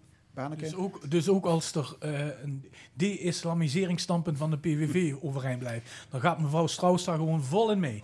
Eh, nee, volgens mij heb ik net gezegd, dat ligt eraan welke inhoudelijke voorstellen er op Nee, tafel dat liggen. staat wel in het partijprogramma. En op het moment dat, die, eh, eh, dat ze daar eh, in, ook in Limburg actief invulling aan willen geven, dan verandert dat natuurlijk de zaak. Ja, maar dat Ja. zegt wel iets over een partij op het moment dat je dat opschrijft in je partijprogramma. Helemaal mee eens. Ik denk dat GroenLinks eh, zich niet geroepen voelt om de PVV op dat soort standpunten te ondersteunen, om het maar vriendelijk te formuleren. Ik denk dat wij juist een beetje in de andere hoek van het spectrum zitten en dat we daar heel erg tegen zijn. Teunissen, wil uw partij het liefst doorgaan met VVD en PvdA? Eh, de huidige coalitie eh, is ons in ieder geval heel goed bevallen. We hebben heel veel dingen eh, in Limburg voor elkaar gekregen. En wij zouden, als het aan D66 ligt, graag met deze partijen liefst aangevuld met, eh, met andere partijen die ons gedachtegoed eh, ondersteunen door willen gaan. Ja, vier jaar geleden deed ook eh, SP eh, mee. Hè. Er is knallende ruzie ontstaan met het gevolg het vertrek van twee gedeputeerden en de helft van de statenfractie. Hoe groot is de kans dat de SP. Ja, terugkeert je, in, in het het provinciebestuur? Het standpunt van de SP Erik snap, Geurts. het standpunt van de SP snap ik helemaal niet. Als we gaan kijken naar het programma van de SP, Welk standpunt bedoelt u? nou ja, met gestrekt been en Ja, ja. we kunnen niet aansluiten en, en dat soort Hun verhalen. slogan is breek de arrogantie Ja. van de macht. Ja. Wat, wat duidt dat op? Nee, maar dat is, dat- ze breken met zichzelf. En dat is, dat is eigenlijk wel heel erg raar. Want het programma wat ze nu hebben ten opzichte van vier jaar geleden verschilt nauwelijks. Dus, eh, en, nu, en nu kunnen ze niet meedoen. En vier jaar geleden stonden ze te trappelen om mee te doen. Ik denk dat het meer gaat om de houding van de SP'ers dan, op het in, dan om de inhoud. Ik denk op de inhoud kunnen we elkaar best goed vinden. En hoe verklaart u die houding? Ja, dat zit een beetje ingeslopen in de partij. Eh, ik vind het ook heel jammer hoe zij bijvoorbeeld onze collega Marleen van Rijnsbergen keihard laten vallen. Was gewoon een goede gedeputeerde die goed die sociale agenda op poten heeft gezet binnen onze coalitie. En die wordt gewoon keihard in de hoek gegooid. En dan denk ik van, zo gaan wij als Partij van de Arbeid niet om met ons Ja, en, personeel. en dan vervolgens in een verkiezingsprogramma schrijven dat de sociale agenda onverkort door moet gaan. Nou, dan moet je mij dus uitleggen dat diegene die de sociale agenda op de kaart heeft gezet. En ik heb het nu de laatste vier maanden over mogen nemen. En ik kan echt wel zeggen dat op het terrein van de sociale agenda veel gebeurd is. En als dan D66-lid wordt dat onverkort doorgezet. Dat ze dan toch zeg maar, zo'n geluid laten horen. En dat verbaast mij eh, hooglijk. En dat vind ik jammer. Het heeft een hoog Ronnie Meijer gehalte. Eh, vanuit Heerlen wordt het allemaal aangestuurd, volgens mij. He- Heeft de SP zich buitenspel gezet wat jullie betreft? Nee, inhoudelijk niet. Als ik het programma bekijk, denk ik van nou, dat is een mooi links programma. Eh, eh, dat past best bij dat van GroenLinks en bij, bij, de, bij dat van de Partij van de Arbeid. En zelfs bij dat van D66. Daar zijn de verschillen niet groter dan vier jaar geleden. Ja. Trouwens, Forum voor Democratie, sluit u die partij ook uit bij voorbaat? Geurts, PvdA? Ja, dat, ik heb daar het programma nog niet van volledig van Dat is ook heel moeilijk. Maar als dat hetzelfde is als de PVV, Ja, dan wordt het heel lastig. Inhoudelijk is Wacht dat... Ik heb geprobeerd het programma te, te lezen, maar dat valt überhaupt niet eh, terug te vinden. En ze willen niet met ons in discussie Nee, de daarover. lijsttrekker die is ondergedoken, die is in geen velden of wegen te bespeuren.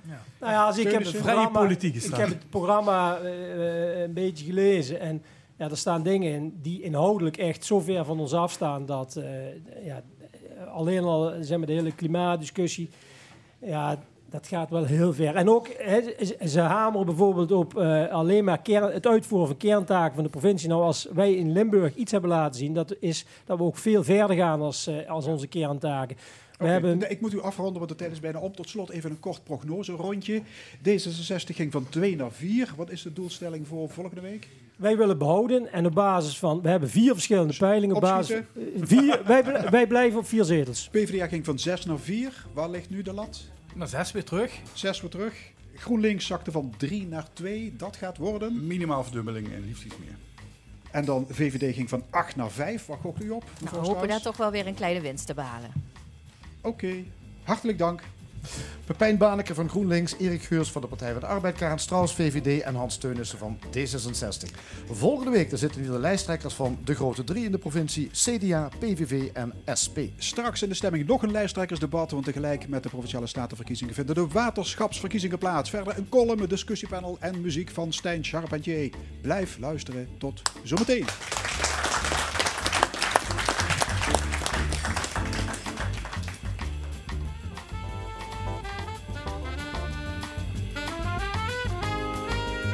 De stemming met Frank Ruber en Fons Geraerts. Opnieuw welkom eh, bij De Stemming, het interview- en discussieprogramma van L1 Radio vanuit Café Forum in Maastricht. En wat allemaal nog in de tweede en laatste uur.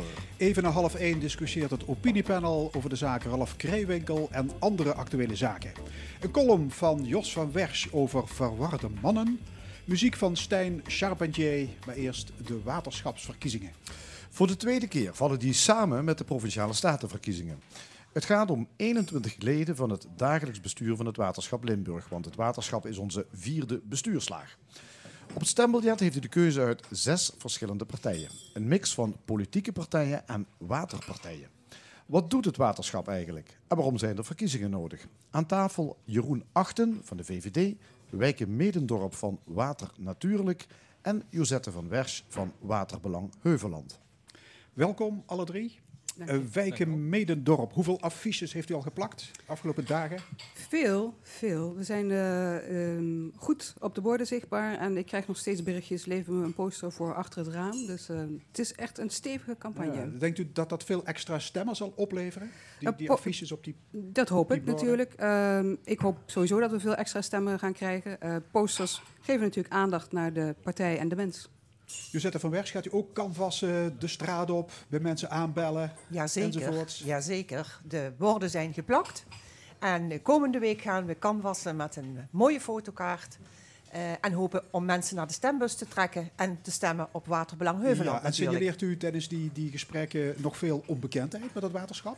Het waterschap is niet, nog niet zo bekend. Eh, mensen weten, verwarren dat vaak met Watermaatschappij Limburg. Waterschap Limburg die zorgt voor veilige dijken, bescherming tegen overstromingen van de Maas. We zorgen voor droge voeten, we willen geen wateroverlast in, in panden. En wat we vooral ook doen, zorgen voor schoon water. Jeroen Achten, ehm, worden die waterschapsverkiezingen niet weggeduwd door die provinciale statenverkiezingen?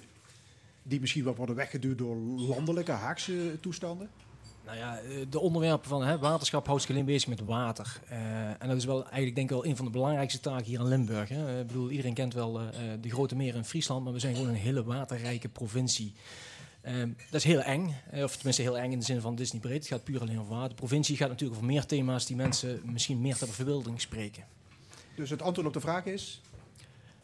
Duwt het weg? Nee, ik denk dat het elkaar kan versterken. Alleen zullen we dan ook handig zeg maar, dat duidelijk moeten maken wat het belang van water is en waarom het ook belangrijk is dat we daarvoor stemmen. Tevreden over de aandacht in de media over deze verkiezing?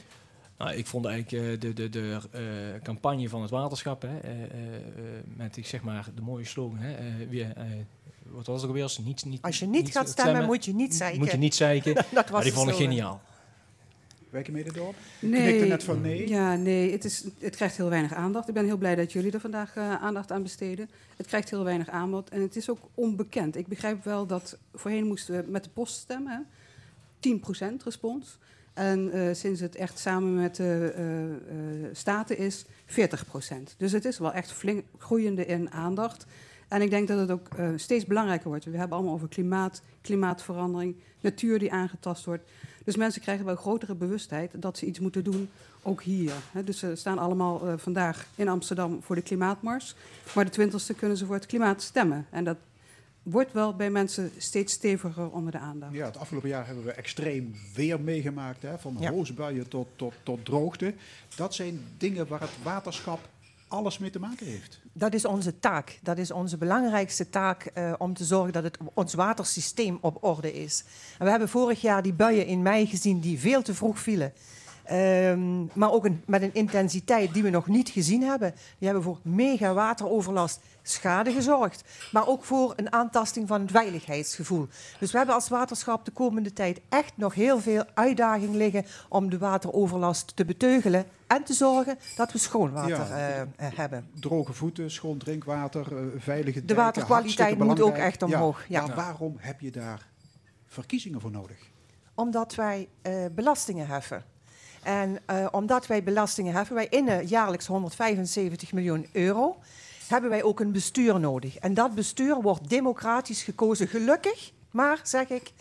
Eh, want het buitenland kijkt met heel veel jaloezie naar ons, omdat wij het zo goed op orde hebben met de waterschappen. Kijk ik naar onze Belgische buurgemeente, daar is het heel anders geregeld. Die kennen geen waterschappen. De waterschapstaak is daar versnipperd. En dan zie je dat we nog veel last hebben van ongezuiverde Ja. lozingen Nee, op onze ik. Nederlandse maar, beken. Maar je zou zeggen dat zijn allemaal technische dossiers. Waarom zou dat moeten worden gepolitiseerd? Nee, maar er valt zeker wat te kiezen. Kijk, waterschap, eh, be- beheer van beek. Ik zal eens even uitleggen wat water natuurlijk is. Dan, eh, Dat is uw is eigen een, club. Ja, een beetje breder kader. Dat is in 2008 opgericht door de Natuur- en Milieufederaties en door Natuurmonumenten.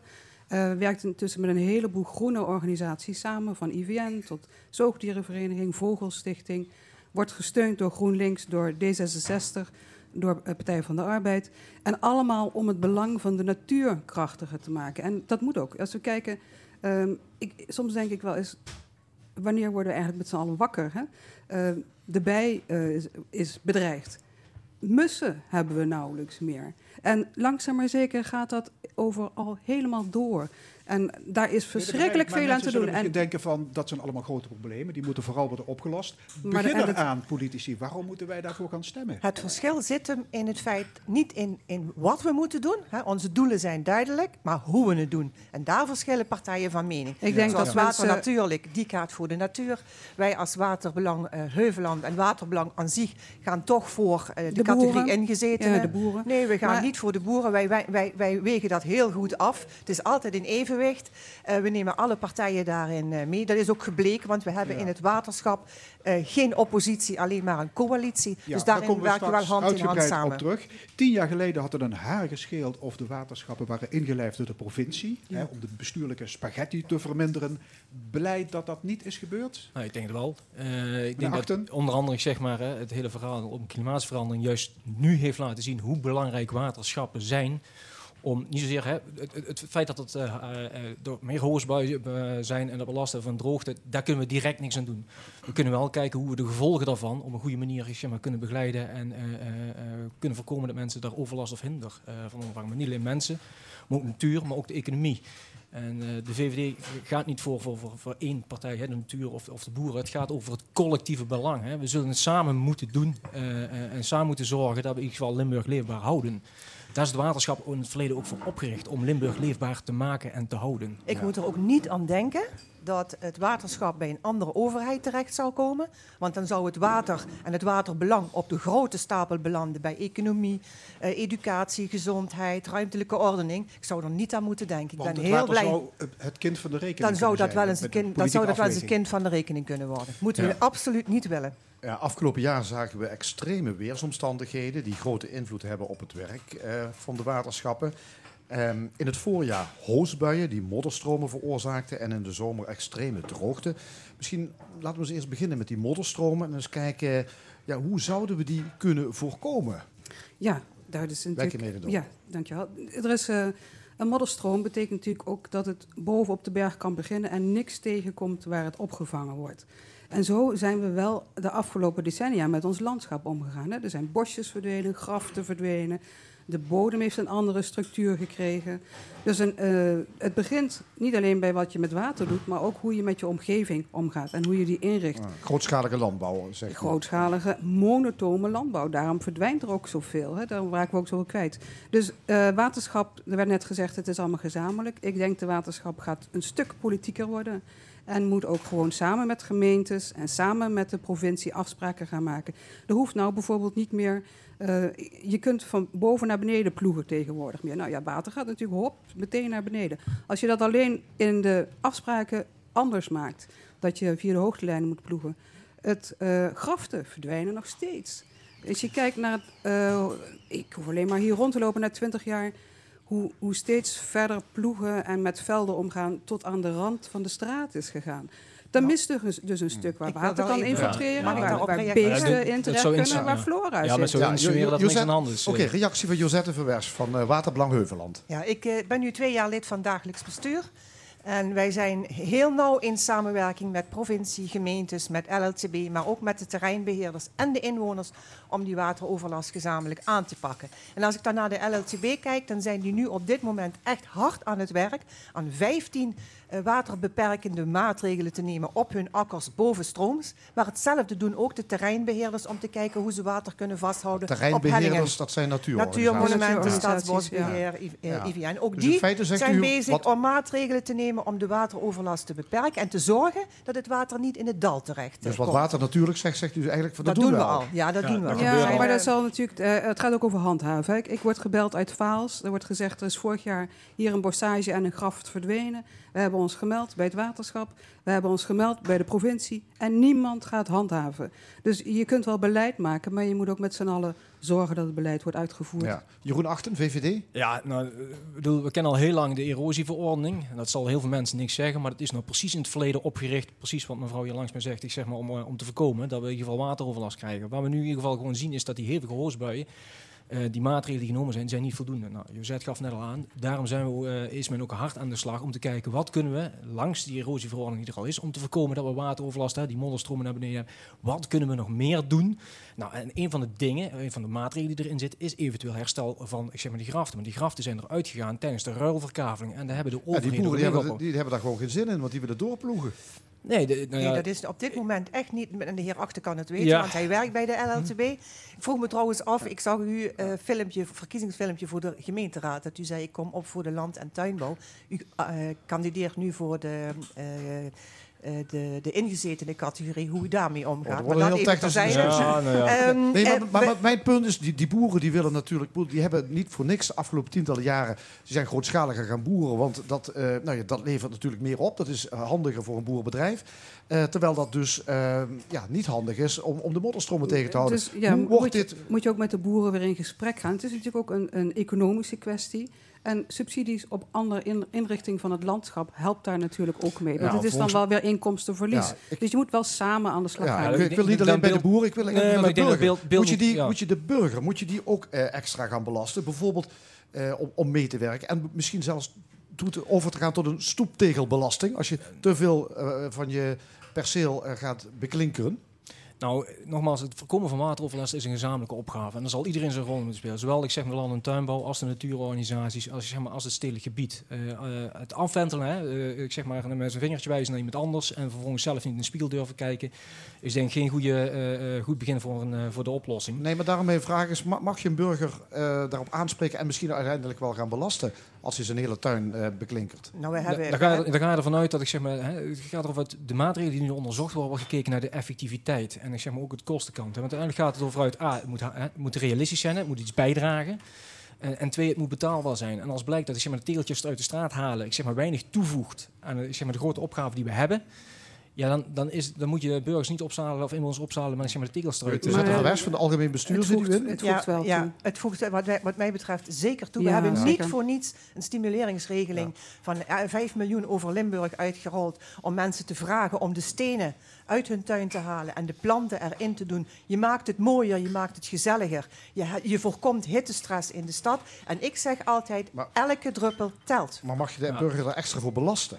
Ik Nou, ga- ik denk dat je met, educatie en voorlichting eh, als eerste aan de slag moet. We hebben niet voor niks de actie Steenbreek. Dus nog niet meteen belasten. Nee. Nee, je, je, je, eh, mensen Ja. belasten Ik- ik heb- en handhaven Nee, zijn het natuurlijk altijd aan het stimuleren van mensen om ik zeg maar, Ja, maatregelen te nemen. Ja, nog, nog een ander eh, misschien dilemma wat zich gaat voordoen. Eh, de grondwaterstand is hevig eh, gezakt door de extreme droogte. Boeren zullen dadelijk toch weer willen gaan eh, sproeien als het, eh, de gewassen gaan groeien.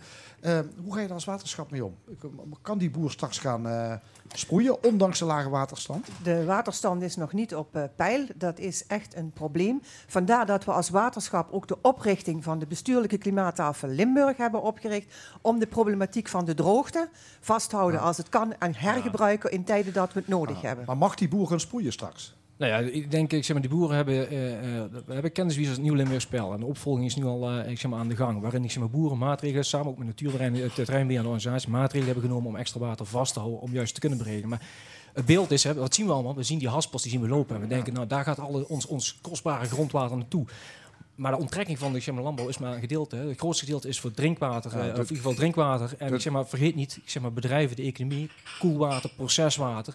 Dus grondwateronttrekkingen, eh, er wordt meer onttrokken door ook andere partijen dan alleen de land- en tuinbouw. Maar het gaat nogmaals, je kunt met een vingertje wijzen, we kunnen veel beter kijken hoe kunnen we nou gezamenlijk ervoor zorgen dat we in tijden van droogte ook voldoende water hebben om al die processen door te laten lopen. Zodat iedereen, ik zeg maar, eh, met een gerust hart, ik zeg maar, zijn kraan open kan zetten, de gewassen kunnen besproeien, zodat we uiteindelijk ook, zeg maar, ook, eh, het seizoen eh, gezonde voeding hebben. Maar dat logische bedrijven, de economie door kan lopen zonder dat ze zeg maar, de fabrieken stil moeten zetten en mensen thuis moeten blijven Zal zitten. ik ook nog even reageren? midden op, heel Ja. kort. Het, nou, het klimaat verandert en je moet daar met z'n allen twee, drie jaar voor uittrekken om samen eh, keuzes te maken. Dan moet je niet te streng zijn of als er gesproeid wordt nog. Maar dan moet je wel zeggen, eh, we doen dat nog twee, drie jaar en dan is het afgelopen. Dan moet die buffer er zijn. Je kan niet van iemand verwachten dat hij bij een knip van de neus helemaal alles veranderd heeft. Dus je moet het wel samen doen. Maar we moeten een actieplan droogte en een actieplan plensbuien is hartstikke hard nodig. Actieplan Plans. En daar Ja. zijn we mee aan de slag. ja, iedereen heeft een stembiljet in de bus gekregen. Op dat biljet kun je kiezen uit 14 lijsten. Eh negen van die 14 hebben de naam Waterbelang. Ja. Eh, Waterbelang, Midden-Limburg, Heuvelland, Venray enzovoorts. Mevrouw Vers, is dat niet een beetje vals spelen? Het is absoluut niet vals spelen. Eh, wij hebben ervoor gekozen om met regionale lijsten ook regionale mensen in het algemeen bestuur van het waterschap te krijgen.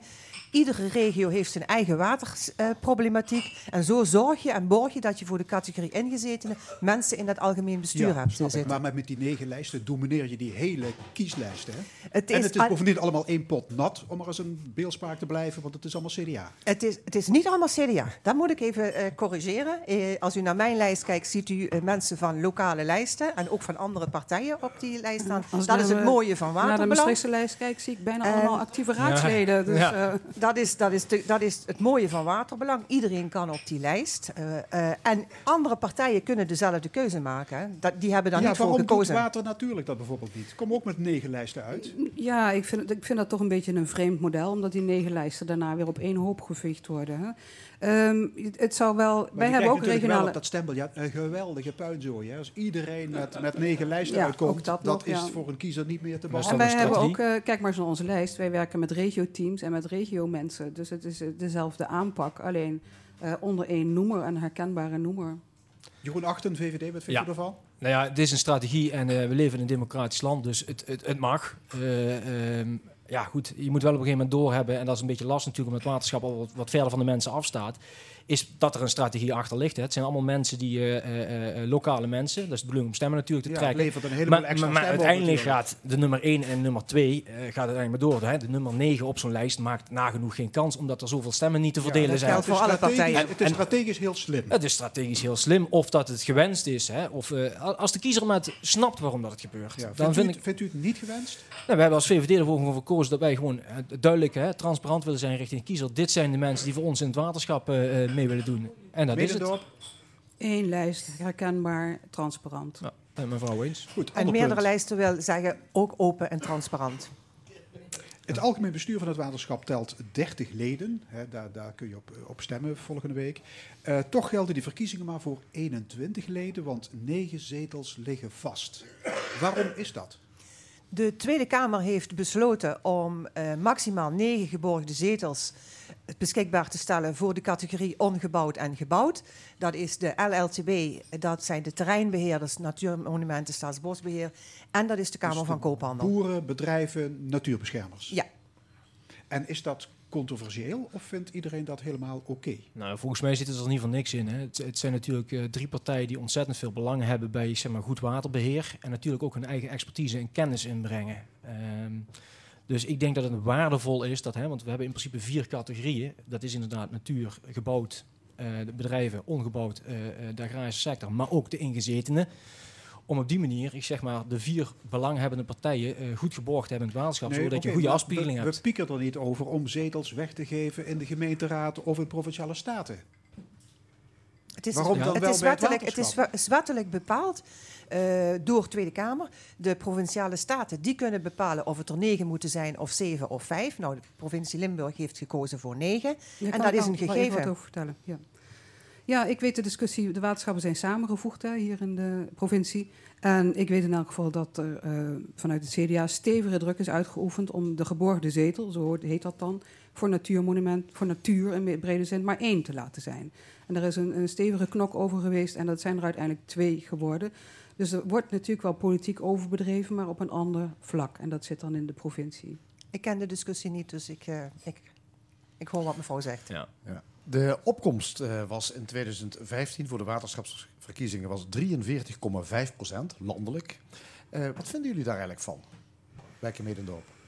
Ja, ik zie, het is groeiende, hè, dat zie je. Dus eh, van 10% naar 43%. Ja, maar dus, het was eh, omdat er een ander soort verkiezing ja. is gekomen, samen met provinciale staten. Nee, maar het is een algemeen probleem. Krijg je mensen naar de stembus? En, eh, Ja, dit, het is ook een lastig thema. Ik bedoel, eh, we vinden alles wat, wat goed geregeld is, vinden we heel vaak vanzelfsprekend. En daar waar we eh, vinden dat het niet goed geregeld is, eh, willen we vaak, ik zeg maar, onze invloed uitoefenen. Eh, alleen, ik denk dat de mensen het belang van, van water en in ieder geval de opgave die ons de komende jaren eh, eh, ja, die, die voor ons staan, eh, die gaan we wel degelijk merken. Dus we zullen keuzes Ja, moeten gaan Het, maken. het wordt politieker, hoorde ik zojuist al zeggen. Dus misschien ook meer discussie, misschien zichtbaarder. Hopelijk meer, meer zichtbaarder, zodat Ja. mensen ook meer gevoel krijgen van het belang van het waterschap. Ja, je- zet ik, ja, ik wil er toch even op reageren, omdat we als Nieuw Waterschap Limburg afgelopen jaar bijna maandelijks eh, in de pers hebben gestaan. Eh, ik merk ook waar ik kom, dat het bewustzijn van het, het- de opgave die we hebben om de wateroverlast te beteugelen, maar ook te zorgen voor schoon water, dat dat steeds groter wordt. Ja, hè? ja, is 2014, 2016, 2018 de wateroverlast. We zeiden het nog gekscherend begin vorig jaar. Het zal toch niet zo zijn dat nu 2018 weer een zo'n bui valt. Eh, die is gevallen. Ja, en als je ziet wat dat met mensen doet. Ook emotioneel gezien, los van de financiële schade, ja, dan, dan weet ik zeker dat het bewustzijn bij mensen om naar die stembus te gaan op 20 maart en ook te stemmen voor die waterschappen, dat dat moet stijgen en dat dat meer moet zijn dan die 43 procent in 2015. Ja, nogmaals, eh, eh, vandaag lopen ze in Amsterdam. Klimaatmars, 20 maart kan iedereen stemmen, ook voor het klimaat.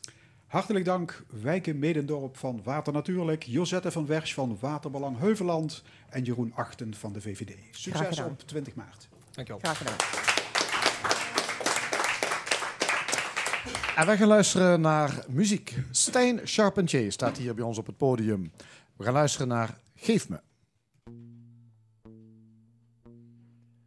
Oh man, ik was gisteren weer dronken. Oh man, het was mooi als vanouds. Oh man, ik was gisteren zo dronken. Het is maar goed dat ik daar zo van hou. De barman een vriendelijk wezen. Hij schonk elke keer mooi op tijd. Hij is mij geen ronde vergeten. Ik sta nog bij hem in het krijt. Om twaalf uur stond ik op tafel. Alleen in een wild vreemde kroeg. En zong voor de man van de glazen. En zong op mijn eigen verzoek.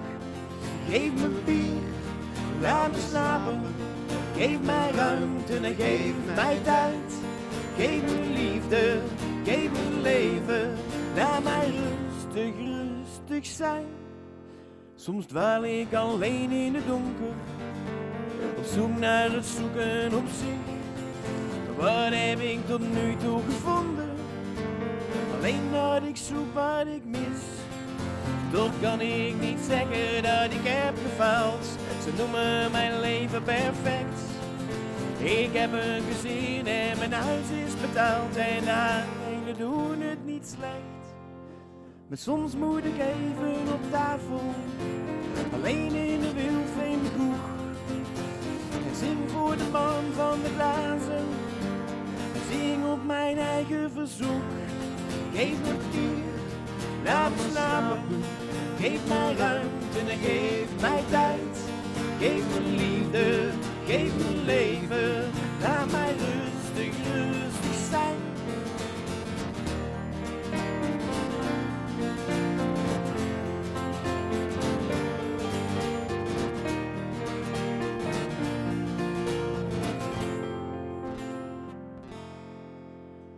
Vroeger was ik altijd dronken en was ik wie ik wilde zijn. Toen dwaalde ik nooit in het donker en leefde ik zonder de tijd. De band en de mannen, ik zie ze niet meer en de wekker die gaat mij te vroeg. Soms moet ik weer eventjes terug naar die sfeer zing ik alleen in een kroeg. Geef me bier, laat me slapen. Geef mij ruimte en geef mij tijd. Geef me liefde, geef me leven. Laat mij rustig, rustig zijn.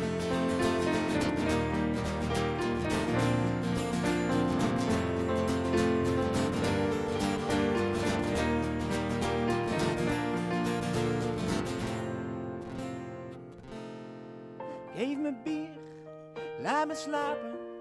Geef mij ruimte en geef mij tijd.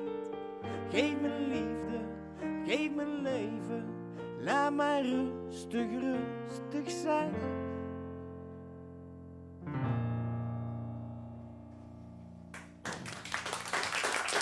Ja. De column. Vandaag met Jos van Wersch.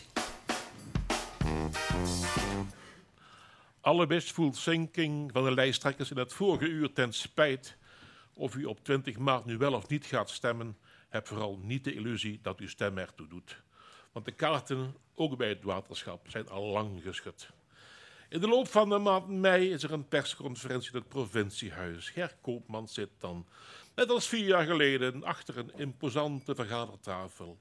Op gepaste afstand zien we stralende gedeputeerden die vier jaar lang de provincie Limburg mee mogen besturen, onder patronage van de voormalige melkveehouder uit Velden.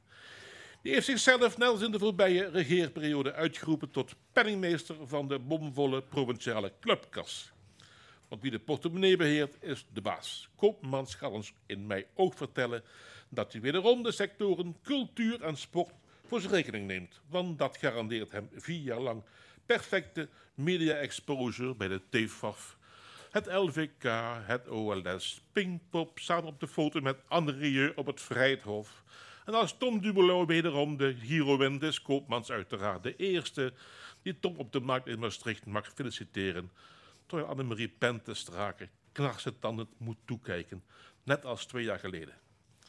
In mei verdelen Hans, Hubert, Erik en Joost onder het toeziend oog van de sluwe Omeger allerlei mysterieuze projecten zoals daar zijn de kennisas, wie kent haar niet, de coördinatie interbestuurlijk toezicht, de WABO, de mijnschade en niet te vergeten het waterketenbeleid. Allemaal volkse onderwerpen waar je de gewone man wakker voor mag maken. Koopmans heeft Buma verboden om zich voor 20 maart te vertonen in Limburg. De VVD daarentegen koketteerde gisteren met Rutte in Roermond en Venlo. De premier voorop, het zijn immers provinciale verkiezingen, en zijn kielzog Joost van den Akker en Karin Strauss. Karin moet voor de VVD de kastanjes uit het vuur halen opdat Joost gedeputeerde mag blijven, terwijl Karin dat o zo graag zelf wil worden. In mei presenteert Koopmans al dus het coalitieakkoord namens CDA, D66, VVD en PvdA. Mocht dat kwartet op 20 maart geen veilige meerderheid behalen, dan mag de PVV of GroenLinks ook nog aanschuiven. Die willen allebei hartstikke graag. En Koopmans komt dat hartstikke goed van pas, want dan kan hij die twee tegen elkaar uitspelen. By the way, ik hoor dat Emiel Roemer heel graag de vaste burgemeester van Heerlen wil worden. Want hij vindt dat oh zo'n geweldige stad. Huh? Want toen Ralf Kreewinkel opperde om te worden burgemeester van, sorry, te blijven van Heerlen, we moeten, we weten inmiddels wel beter, wilde Roemer stiekem worden wat Theo Bovens al is, namelijk commissaris van de koning, maar dan in Gelderland. Feitelijk deed Roemer in Kreewinkeltje naar buiten toe hele twaalf maanden lang de hemel inprijzen, maar tegelijkertijd naar iets leukers solliciteren. De opmars van de verwaarde man is blijkbaar nergens meer te stuiten.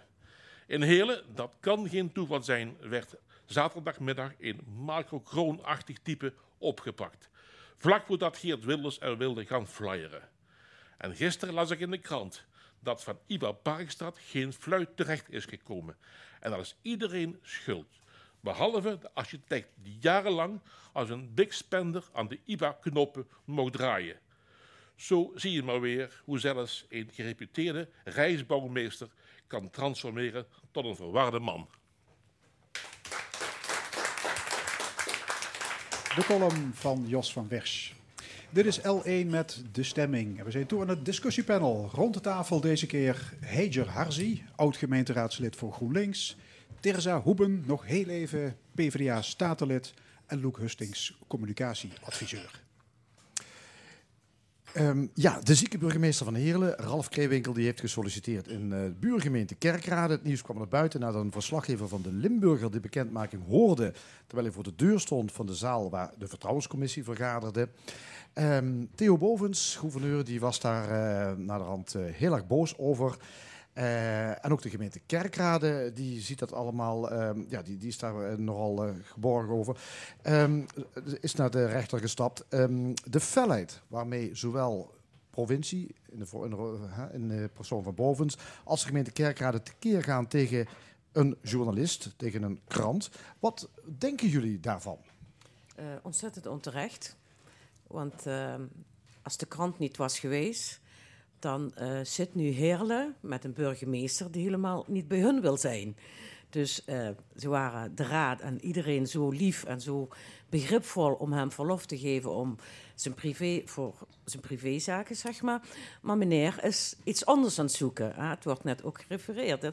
Dus als het bij een gewone werkgever was geweest, dan was het toch anders. En nou, een burgemeester die zoiets doet, een hele, een hele gemeente voor de gek houden. Ik ben uh, thuis voor mijn kinderen, voor mijn gezin.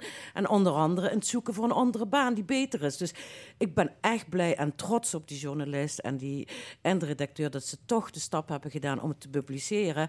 Dat iedereen weet hoe sommige bestuurders ons als burgers ja, grof gezegd, voor de gek houden. Dus Ja. dat, dat is mijn mening over die... Ja. Ik ken die meneer niet persoonlijk. Ik weet dat hij in Beek heeft gezeten. En dan een stapje hoger naar Heerlen. En dan weer naar Kerkrade. Wat is het waard voor jou, die burgers? En waarom, echt de laatste, waarom als, je, als een burgemeester een tweede termijn wil, dan mag iedereen het weten. Burgemeester X of wie dan ook, die wil een tweede termijn. Maar als je ergens zonder solliciteert, moet dan stiekem zijn. En je burgers zeg maar voor de gek houden. Je bent een burgervader en Ja. niet zomaar Ja, ik, iemand. ik, ik was vooral benieuwd naar eh, wat jullie vinden van die felheid eh, van, eh, de, de, zal maar zeggen, van, van Bovens en de gemeente Kerkrade. Ja, nou, de- ik kan me wel voorstellen journalist. dat ehm, de gouverneur ervan baalt dat de vertrouwelijkheid van een geheime vergadering ehm, doorbroken wordt.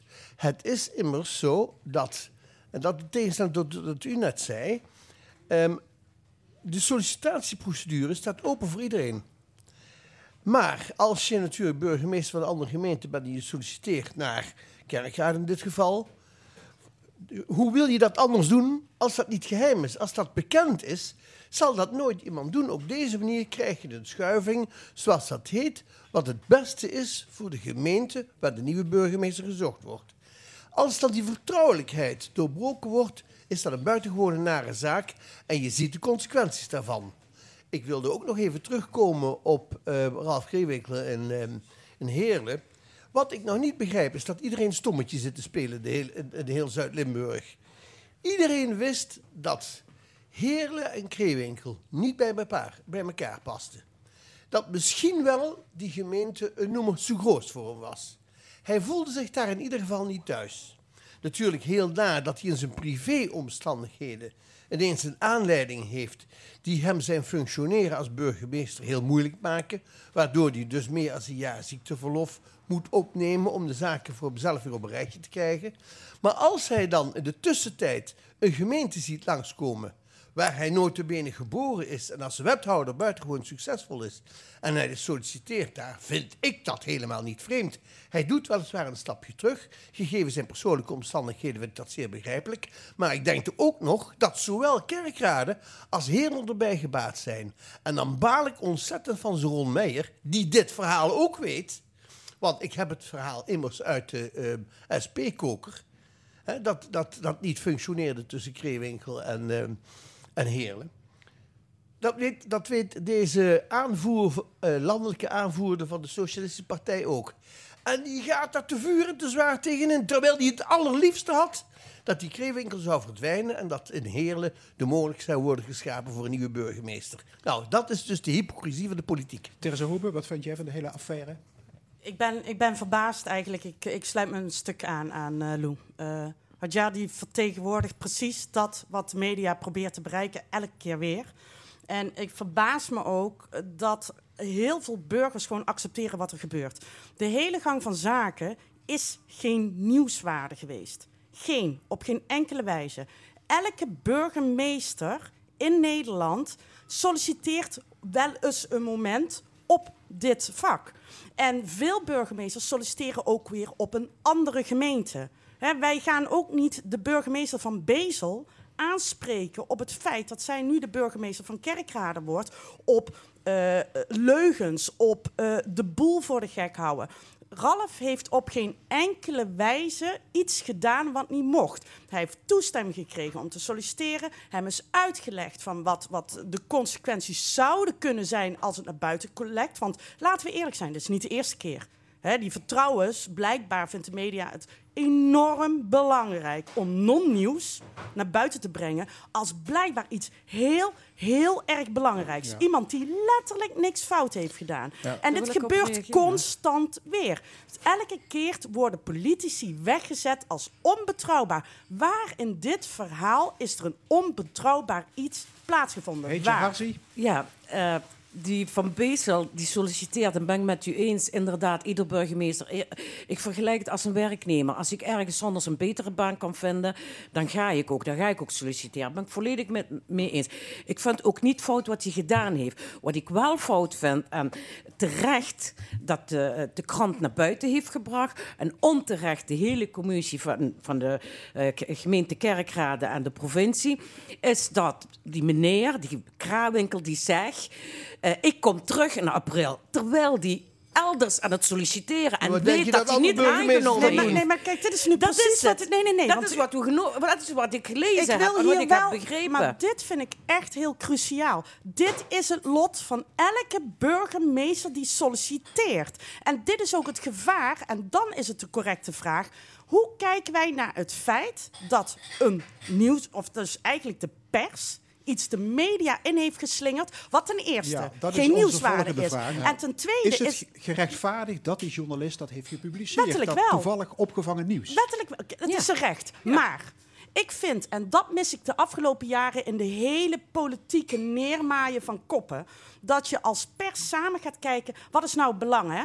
Is het ons belang om iets naar buiten te brengen en we suggereren alsof er echt iets heel kwalijks heeft plaatsgevonden, wat niet zo is. En dan is het heel jammer om te zien dat de media iets naar buiten gooit Waarvan ze eigenlijk weten, dit is geen nie- echte nieuwswaarde. Maar we maken er Ja, lekker iets moois ja, Nee, is dat wel is wel nieuws. nieuw, hoor. Maar de Nou. krant zegt, we hebben dit, eh, die vertrouwelijkheid geschonden omdat er sprake is van een groot belang, maatschappelijk belang. Maar die Wat was is er dat, niet. wat is dat Tuurlijk maatschappelijk belang? Nou, ik, vind het, ik vind het duidelijk dat, dat... Kijk, je kunt het keren of draaien hoe je wil. Het feit dat Kreewinkel gesolliciteerd heeft in Kerkrade was groot nieuws. Dat werd door iedereen opgepakt. En dat was het natuurlijk ook. Wat ik heel kwalijk vind, is dat het mogelijk is dat de vertrouwelijkheid van een besloten vergadering geschonden wordt. Hoe kan het zijn dat als ze het geheim vergaderen, dat er geluidsinstallaties aanstaan? Men is daar onzorgvuldig mee omgegaan. En het verwijt treft dus niet de Limburger. Want als ik journalist was geweest, had ik dat verhaal ook naar buiten gebracht. Het verwijt treft in eerste instantie de gemeente Kerkrade, die daar anders mee hadden moeten omgaan.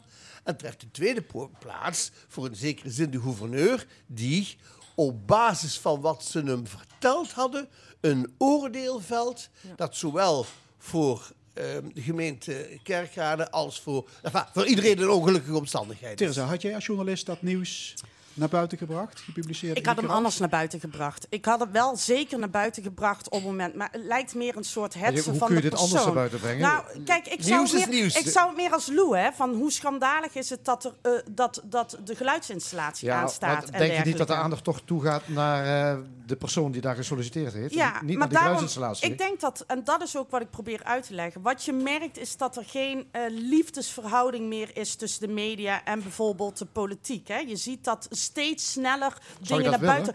Ik zou wel eens willen hebben dat de, pol- de politiek of dat de media minder een hetsen neerzet. En veel meer de werkelijke nieuwswaarde van bepaalde punten De naar buiten gemeente wil moet brengen. zijn eigen geheim beschermen. Dat is mijn Ja. mening. Gou- Gouverneur Bovens die, eh, zei dus in eerste instantie dat die journalist daar eh, bewust binnen was gegaan eh, op slinkse wijze. Dat heeft hij eh, teruggenomen. Maar wat hij niet heeft teruggenomen, dat is de term riooljournalistiek. Ja, hij, heeft, hij, hij heeft een grote mea culpa gemaakt in de brief die hij aan de hoofdredactie van de Limburg gestuurd heeft. En hij zegt daarin ook, ik heb het nu met mijn eigen ogen gezien.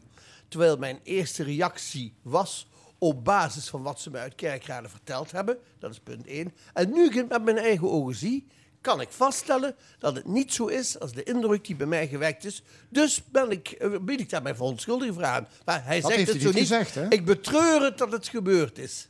Nou, enfin, Maar goed. de term riooljournalistiek is niet teruggenomen. Nee, die heeft hij niet teruggenomen. Maar uh, riooljournalistiek heb ik dat ook nooit gevonden. Kijk, als het zo is dat er iemand zich op slinkse wijze binnendringt... en ehm, eh, aan de deur gaat staan luisteren... maar dat is niet gebeurd. Hij is niet op slinkse wijze binnengekomen. Eh, dat de knuppels de deur van het gemeentehuis niet hadden afgesloten... en hij daar niets vermoedend binnenkwam lopen... en zo kon doorlopen zonder iemand tegen te komen. De beelden hebben dat ook aan de gouverneur laten zien. Die geeft de, de journalist in dit geval volkomen het gelijk aan zijn kant. Maar ik blijf van mening dat die keuze dan nog steeds bij de journalist ligt. Wil ik dit gaan doen? Want op het moment dat ik het naar buiten breng, kost het kop van Ralf. Dat Ja, had hij precies. kunnen Het is raden. eigenlijk een En ethische daarom- discussie. En dan probeer ik uit te leggen, ik zie dan de nieuwswaarde niet. Omdat Ralf niets heeft gedaan wat een andere burgemeester ook heeft gedaan. Ja, maar, dus maar heeft ik gemeente Heerlen niet. niet het recht om... De burgers van, van Heerlen hebben, ze die, hebben die niet het recht om te weten wat hun bestuurders Dat mag doen? die niet. Ja, tuurlijk Nee, wel. dat mag je niet naar buiten brengen. Als burger Het zijn wil ik geheim, weten hè? wat mijn Geheim is- burgemeester Nee, maar doet. nu benoem je juist iets waar heel pijnlijk in zit. Kijk, de pijnpunt is, hij zit ten eerste in het traject. Eh, De gemeenteraad is actief meegenomen in hoe het hele proces is gegaan. Op het moment toen zichtbaar werd dat er weer een eindperiode aan zijn ziek zijn kwam, is hij gaan solliciteren. Dan krijg je letterlijk geheimhouding. Hij ook. Dus hoe had hij in godsnaam dit naar buiten moeten dragen? Hoe had vraag elke burgemeester dit naar buiten moeten dragen? De- denk- ja, denkt u dat, die burger, dat Ralf echt, toen die als hij terugkomt naar Heerlen, dat hij echt gaat zeggen: Lieve raad, ik heb gesolliciteerd of ik wil niet meer bij jullie zijn? Nee, had hij er echt geheim was gebleven, gaat had dat toch niet nodig geweest. Maar heeft iemand aan Ralf gevraagd, ik, ik namelijk ook niet, maar heeft iemand gevraagd van waarom heb je gesolliciteerd? Nee, de knuppel werd in het hoenderhok gegooid. wat- Mensen blijven schreeuwen. Hij had niet mogen solliciteren. Hij was ziek en het is onbetrouwbaar. Dit zijn termen die doen mij wat hoor. Had gouverneur Bovens zijn sollicitatie moeten blokkeren? Nee, nee, nee. Dat kan niet. helemaal nee, niet. dat mag ook niet. Nee, dat Kijk, niet. eh, je moet mij eens één grond noemen waarom. Ja. De man heeft bewezen bestuurderskwaliteiten. Hij solliciteert naar Kerkrade. Voor Kerkrade zou dit een ideale kandidaat zijn. Dus schuift de gouverneur hem naar voren. Nogal wie dus.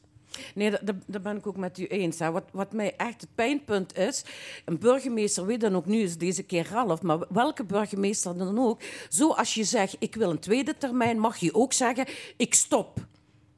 Dan Maar weet de raad, dan ik- weten de burgers van die burgemeester, die blijft niet zo lang bij ons. Weet je wat En ik jammer dat, dat vind? en dat vond ik dat de, dat de journalisten terecht, echt, dat is een plicht naar de burger toe om ze voor te lichten. Wat speelt er in jouw gemeente? Wat doen jullie bestuurders?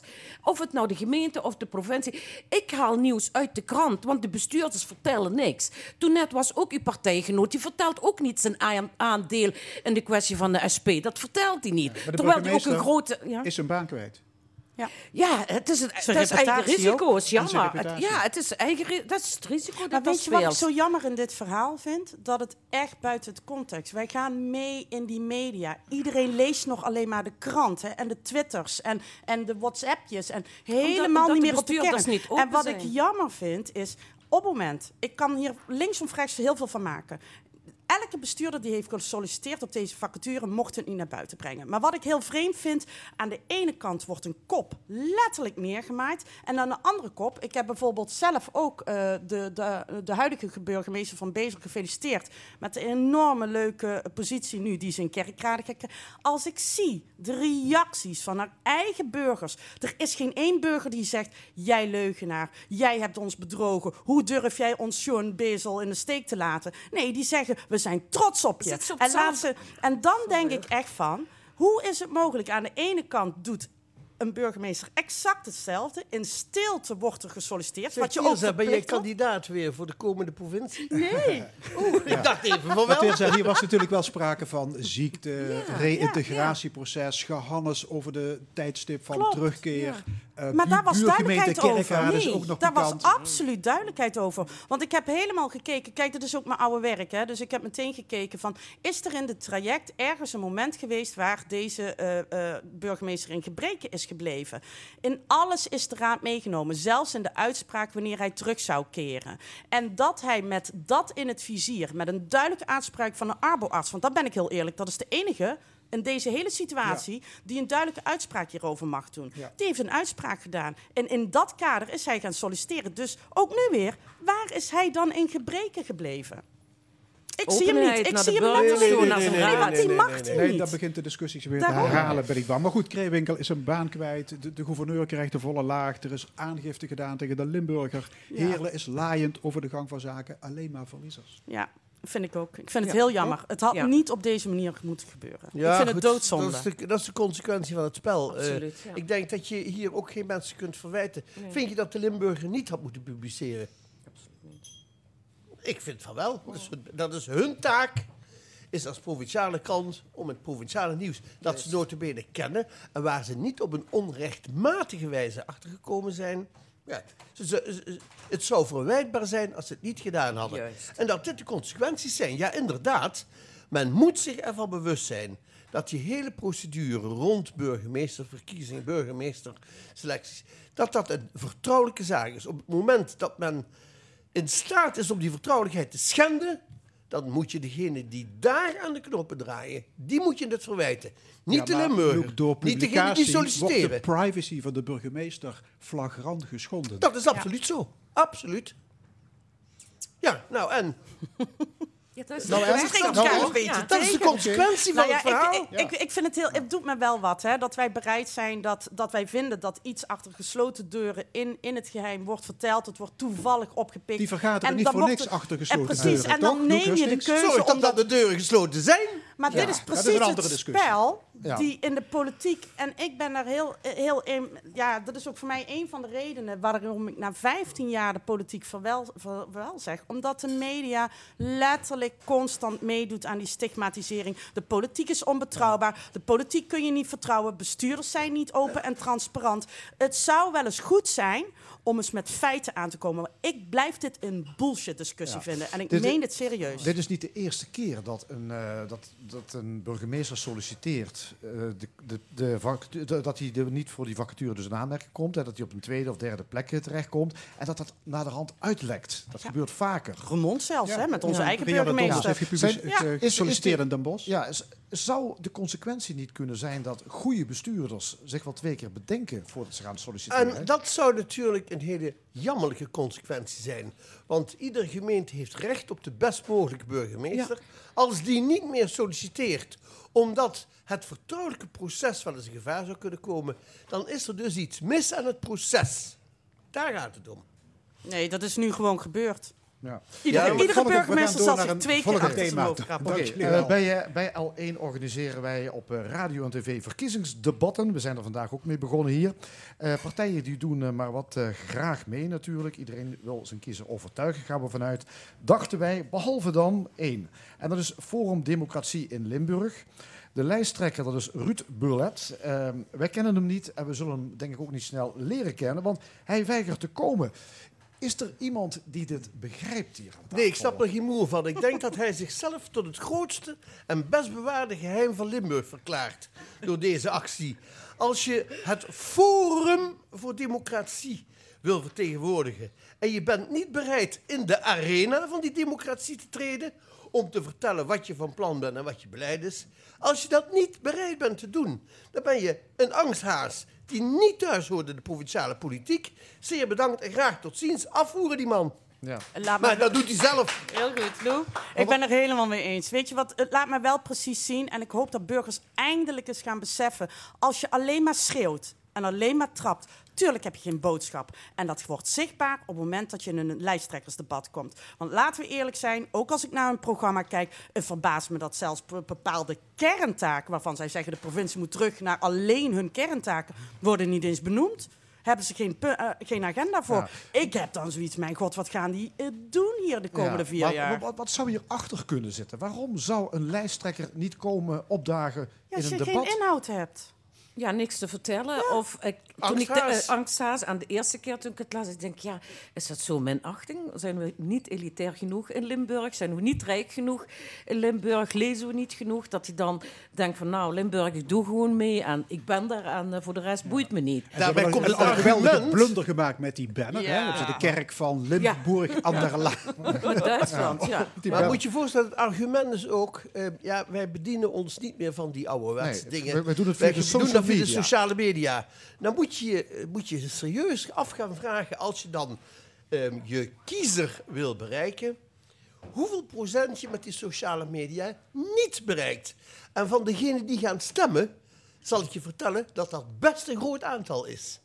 Dus je sluit daarmee je informatiekanaal naar een belangrijke doelgroep, een belangrijk deel van die kiezers, gewoon af. Hoe stom kun je zijn? Ja, Terwijl de landelijke lijsttrekker natuurlijk maar wat al te graag eh, meedoet aan het debat.